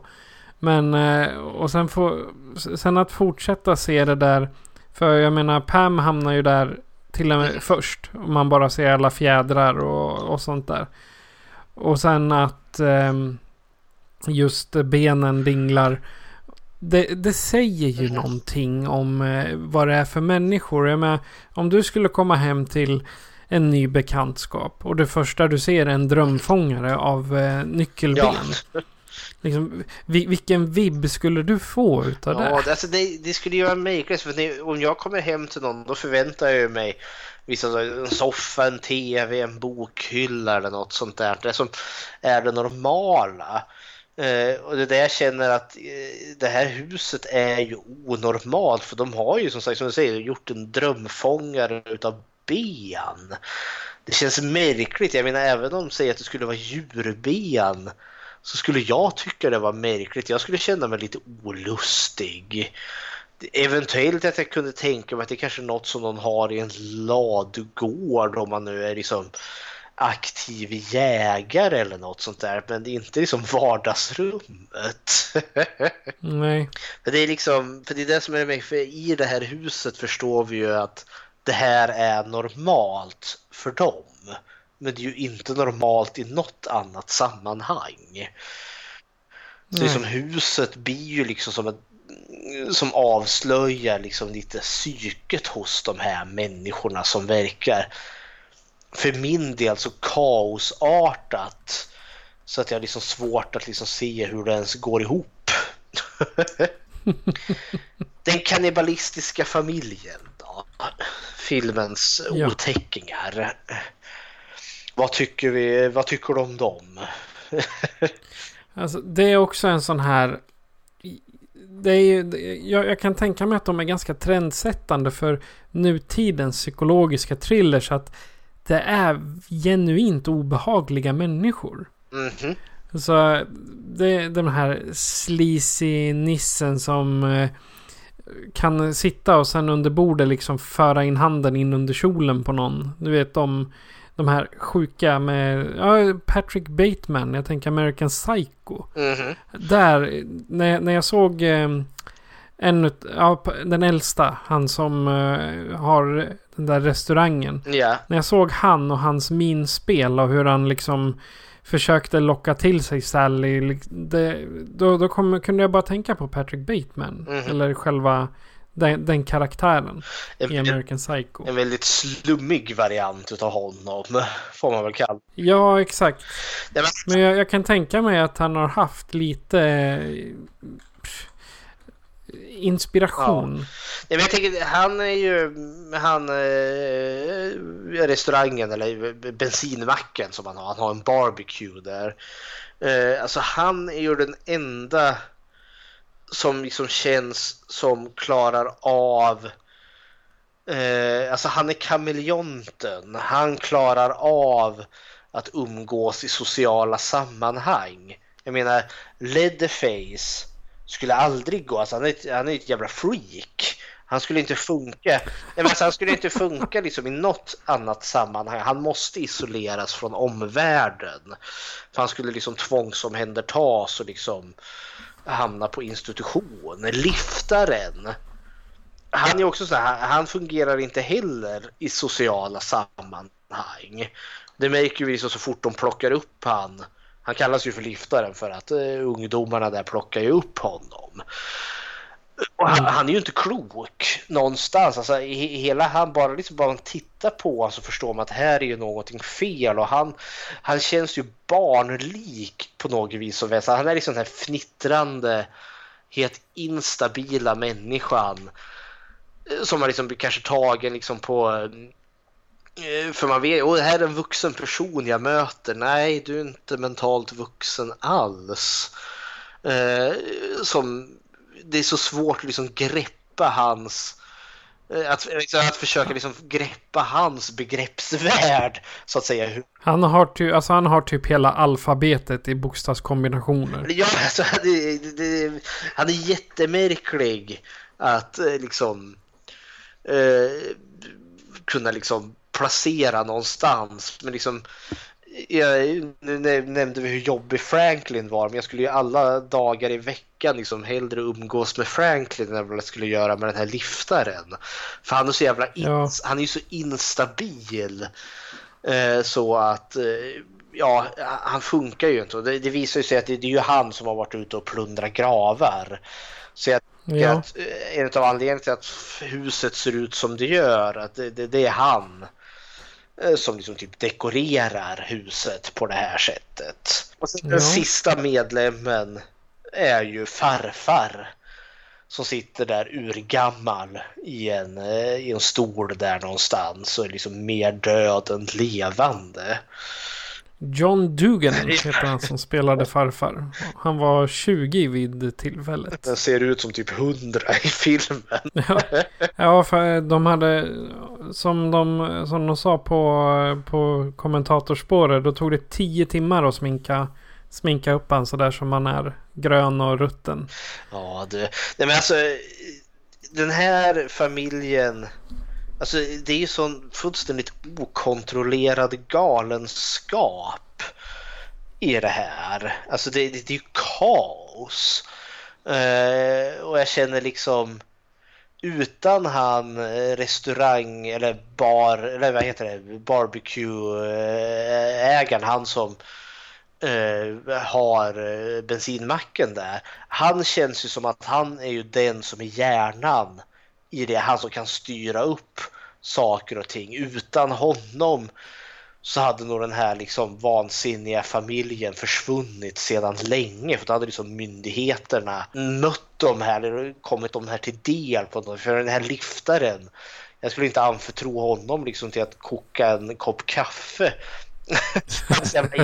alltså, för han känner jag, så han är sån där som skulle kunna liksom på öppen gata liksom våld, försöka våldta en kvinna och så skulle han åka på det. För det. Ja. Leatherface är liksom, han skulle liksom nog säkert omhändertas för, för han upplever ju jag är liksom, han har ju något form av mentalt handikapp. Han känns ju liksom inte som en vuxen människa. Han, han kan liksom inte heller ta hand om sig själv. Han måste ha någon som kan ta hand om honom.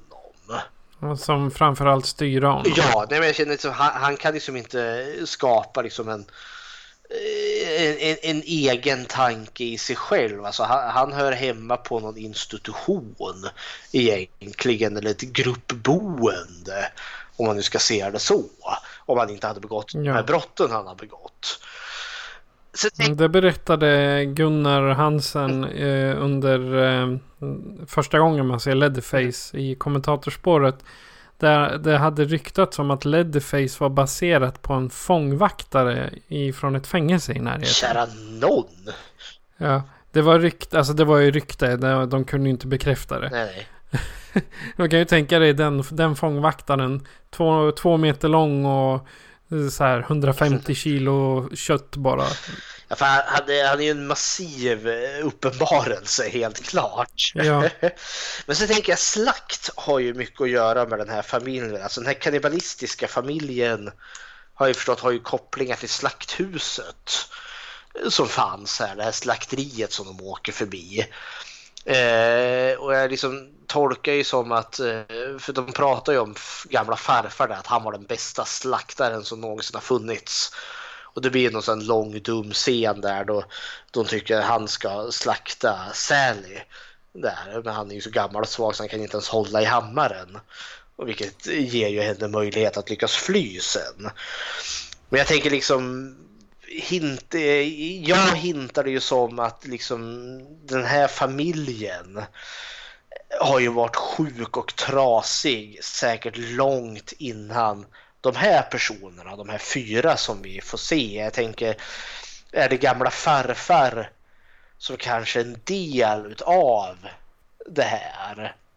Han är liksom, där kanske vi är närmare roten till problemet. För jag känner liksom de här tre Leatherface-liftaren och eh, bensinmaxmannen är liksom egentligen det senaste och så pass depraverat och säkert inavlat så att de är liksom, det, det är liksom det, är det sista, liksom det, här, det, det kommer ta slut med de här personerna.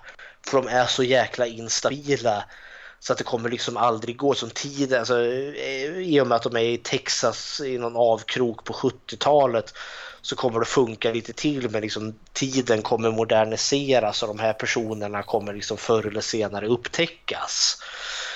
Eh, och liksom hamna på mentalsjukhus allihopa. liksom, jag känner liksom att det här är liksom slutet av någon form av familjeera eh, som hade sina, för de pratar ju om alltså, de här stolta liksom, slaktarfamiljen. Men i och med att slakteriet har liksom effektiviserats och maskinerats så behöver man inte slaktare. Och någonstans där på vägen har de liksom gått över till att börja slakta människor istället. För så har jag tolkat den här barbecuen som finns på den där bensinmacken. Det är ju människor som de har malt ner. Så tolkar Ja, ja, det, de äter ju, men de är, det är ju människorna de ska äta, inte mat. Ja. Eller människorna blir mat, mm. så att säga. Ja, ja, men den är fascinerande för jag tänker just allt det här som jag nu tog upp är ju mycket spekulationer från min sida. Det är det jag tycker är bra med film. Den väcker ju mina tankar, mina funderingar. Vad är det här för jäkla galen familj? Varför har de blivit som de har blivit? Men, men, men, alltså, då har ju min kreativa tanke gått igång. Och det tänker jag, ja. det, det är kudos till den här filmen för den ger mig en hel del men den skriver mig inte på näsan, den ger mig inte alla svaren. Nej. Vad tror du händer sen? Spoiler alert, Sally kommer ju faktiskt undan. Och jag tänker att hon är den första som kommer undan den här vansinniga familjen. Garanterat. Ja, vad, vad, vad, om du spekulerar, vad händer sen? Vad händer efter, eh, efter texten här? Alltså för hon och eh, han eh, föraren då, de, de åker ju iväg helt klart. Och gasar på. Men sen tror jag hon är så pass eh, driftig att hon går till polisen. Ja men det kommer ju garanterat hända. ja. Och sen eh, kommer väl polisen och de ser ett helt hus med ben. Mm. Antingen så sätter de en kula i pannan på dem på plats eller så skickar de dem till elektriska stolen rakt av. Jag tänker så här, liftaren är ju död. Han ligger ju där som en våt fläck på, på vägen. Han blir Ja.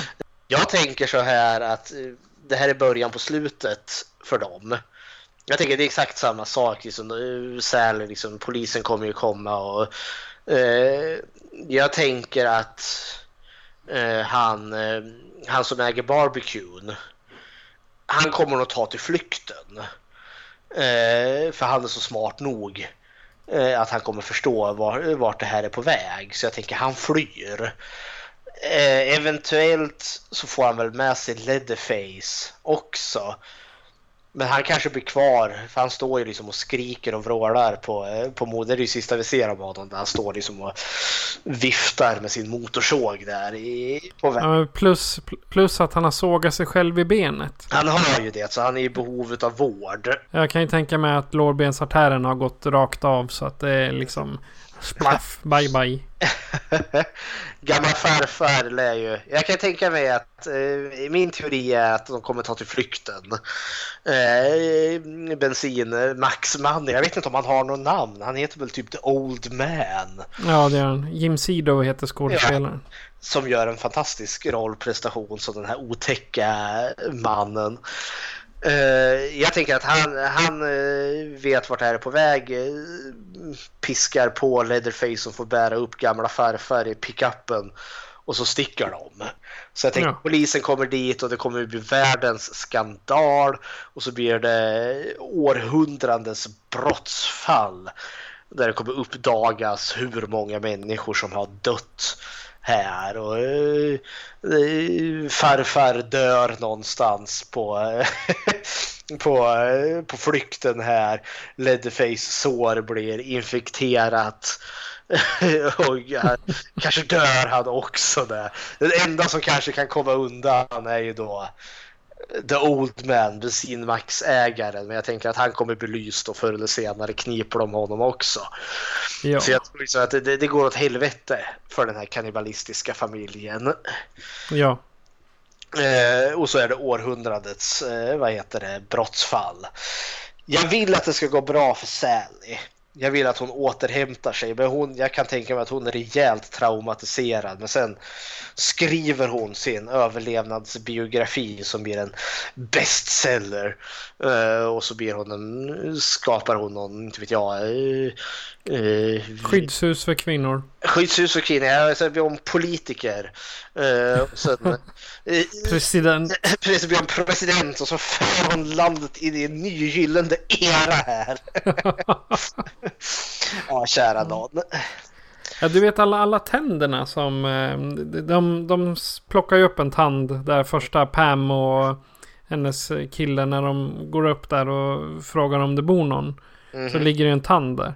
Japp. Och faktum är att det är äkta tänder. Jag kan tänka mig det. inte, fast inte från människor utan det är från en veterinär som låg i närheten. Ja, alltså det är djurtand. Ja, precis. Av någon anledning så sparar den tänder och vissa ben. Ah, ja. Så att alla benen är ju inte rekvisita utan en del av dem är äkta. Se där. Det, var, mm, jag tänkte, det var också sån jag tänkte på när, när Kirk plockar upp den där tanden för att jävlas lite med Pam. Om jag är på ett okänt ställe ska knacka på hos en för mig fullt vilt främmande människa och jag hittar en tand på första kvisten för det är så uppenbart en tand. Då känner jag liksom, ja, fatt, jag skulle nog bli hemskt känna mig obekväm och söka mig därifrån. Ja. Inte som att, åh vad kul, här ligger en tand. ja, kära värld. Det, den här Motorsågsmassakern och de andra stora franchisen. Det har ju skrivits böcker och gjorts eh, dokumentärer. Så det, det, finns ju så otroligt mycket material om eh, behind the scenes och allting sånt. Att gro, grotta i om man vill. Mm -hmm. Ta som, som den här eh, special edition skivan jag har exempelvis. Det är ju det är en hel skiva med bara extra material. Japp. På säkert två, tre timmar. Så att, mm, ja, det, det, det, finns mycket bak, bakom. Så att mm. säga. Härligt. Okej, okay, har vi massakerat eh, Motorsågsmassakern? Ja, jag tycker vi har, Jag har inte så mycket mer att säga nu. Mer än att Nej. jag tycker det här är en exceptionellt film på väldigt många olika sätt. Den är trendsättande, unik för sin tid och även idag en riktig milstolpe och jag tycker det är en genuint bra film som är fylld med, med, med som, ja, det är en obehaglig jäkla film, det är vad det är. Som lyckas bli obehaglig utan att bada i blod. Som lyckas verkligen få den här, alltså det, det, det, det är skräcken, alltså rädslan jag tänkte när, man snackar andra obehagliga filmer då är det egentligen för att de är så ofantligt grafiska i sitt våld. Jag skulle nog hävda att den här är mer psykiskt våldsam än vad den är fysiskt våldsam. Så hepp! Jag tycker den, den man ska garanterat se Motorsågsmassakern om man nu är en skräckfilmsentusiast. Men jag tycker även att man ska se Motorsågsmassakern om man bara är en filmentusiast. Precis som jag tycker att man bör se Casablanca eller Borta med vinden. Den, den här liksom är en kategori för sig själv. Det är vackra ord. Mhm. Och om du som lyssnare har någonting att tillägga till det Fredrik har sagt eller om du har något annat skoj att berätta så kan du göra så här för att kontakta oss. Skräckfilmscirkeln presenteras av Patrik Norén och Fredrik Rosengren. Besök skräckfilmscirkeln.com för att se hur du kan kontakta oss, var du kan följa oss och hur du kan stödja oss. Lämna gärna ett betyg på iTunes, Spotify eller Podbean så att fler kan njuta av våra diskussioner. Tack för att du lyssnar! Och Fredrik, vad händer i avsnitten resten av december? Eh, nu har vi gett oss i kast en franchise här trots allt. Eh, det kom ju en hel uppsjö uppföljare till den här. Sju stycken, så det finns ju åtta Motorsågsmassakern-filmer av eh, skiftande kvalitet. Eh, och jag tänkte det kan väl vara kul att avhandla den. Så här i tre avsnitt framöver så tänkte vi att vi skulle, precis som eh, när vi eh, gjorde Hellraiser, ta oss igenom eh, uppföljarna. Alldeles utmärkt. Plus att på julafton så har vi ett julklappsbyte. Precis som Mhm. förra året. Jajamensan. Och filmerna är hemliga. Det får ni reda på då. Mhm. Så att eh, vilka Motorsågsmassakern blir det i nästa avsnitt? Eh, Vi delar upp det som så att vi kommer ta eh, film nummer två, tre och fyra. Eh, eller ja, eh, nästa heter ju... eh, Det är väl, film nummer två är väl den enda som har en siffra i sig. Eh, Film nummer tre heter ju Leatherface, The Texas Chainsaw Massacre. Och den fjärde filmen heter The Texas Chainsaw Massacre, The Next Generation. Trevligt. Mhm. Så att eh, jag har bara en sak kvar att säga. Det är att jag heter Patrik. Och jag heter Fredrik. Du har lyssnat på Skräckfilmscirkeln. Adjö på er. grizzly bears in the redwood trees. You wanna save the whales and the honeybees. You like to pet the chickens and kiss their beaks. Well, I've had about enough of you damn hippie freaks. So keep hugging that tree. Cause I got a chainsaw. You wanna cuddle the cows and snuggle the pigs. You lay around munching on berries and twigs. Jag tycker att det är en underbar låt.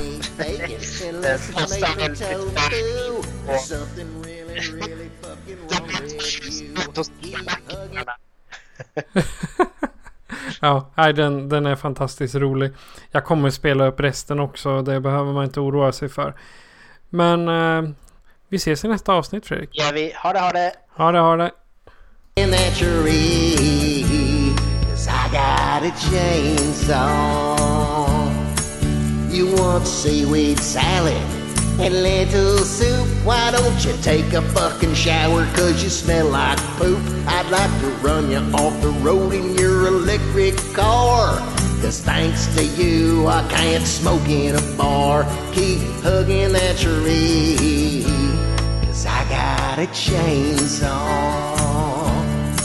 Why don't you move to the forest and live off bark? The stars are awful pretty when it gets real dark. And you'll feel so at peace among nature's grace. You can tell the wolves you love them while they chew off your face. And keep hugging that tree. Cause I got a chainsaw.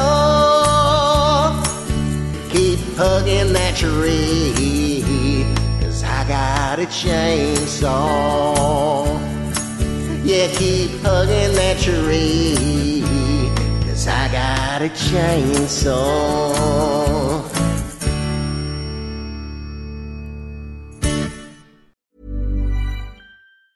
Planning for your next trip? Elevate your travel style with Quince. Quince has all the jet setting essentials you'll want for your next getaway, like European linen, premium luggage options, buttery soft Italian leather bags, and so much more. And is all priced at 50 to 80% less than similar brands. Plus, Quince only works with factories that use safe and ethical manufacturing practices. Pack your bags with high-quality essentials you'll be wearing for vacations to come with Quince. Go to quince.com/pack for free shipping and 365-day returns.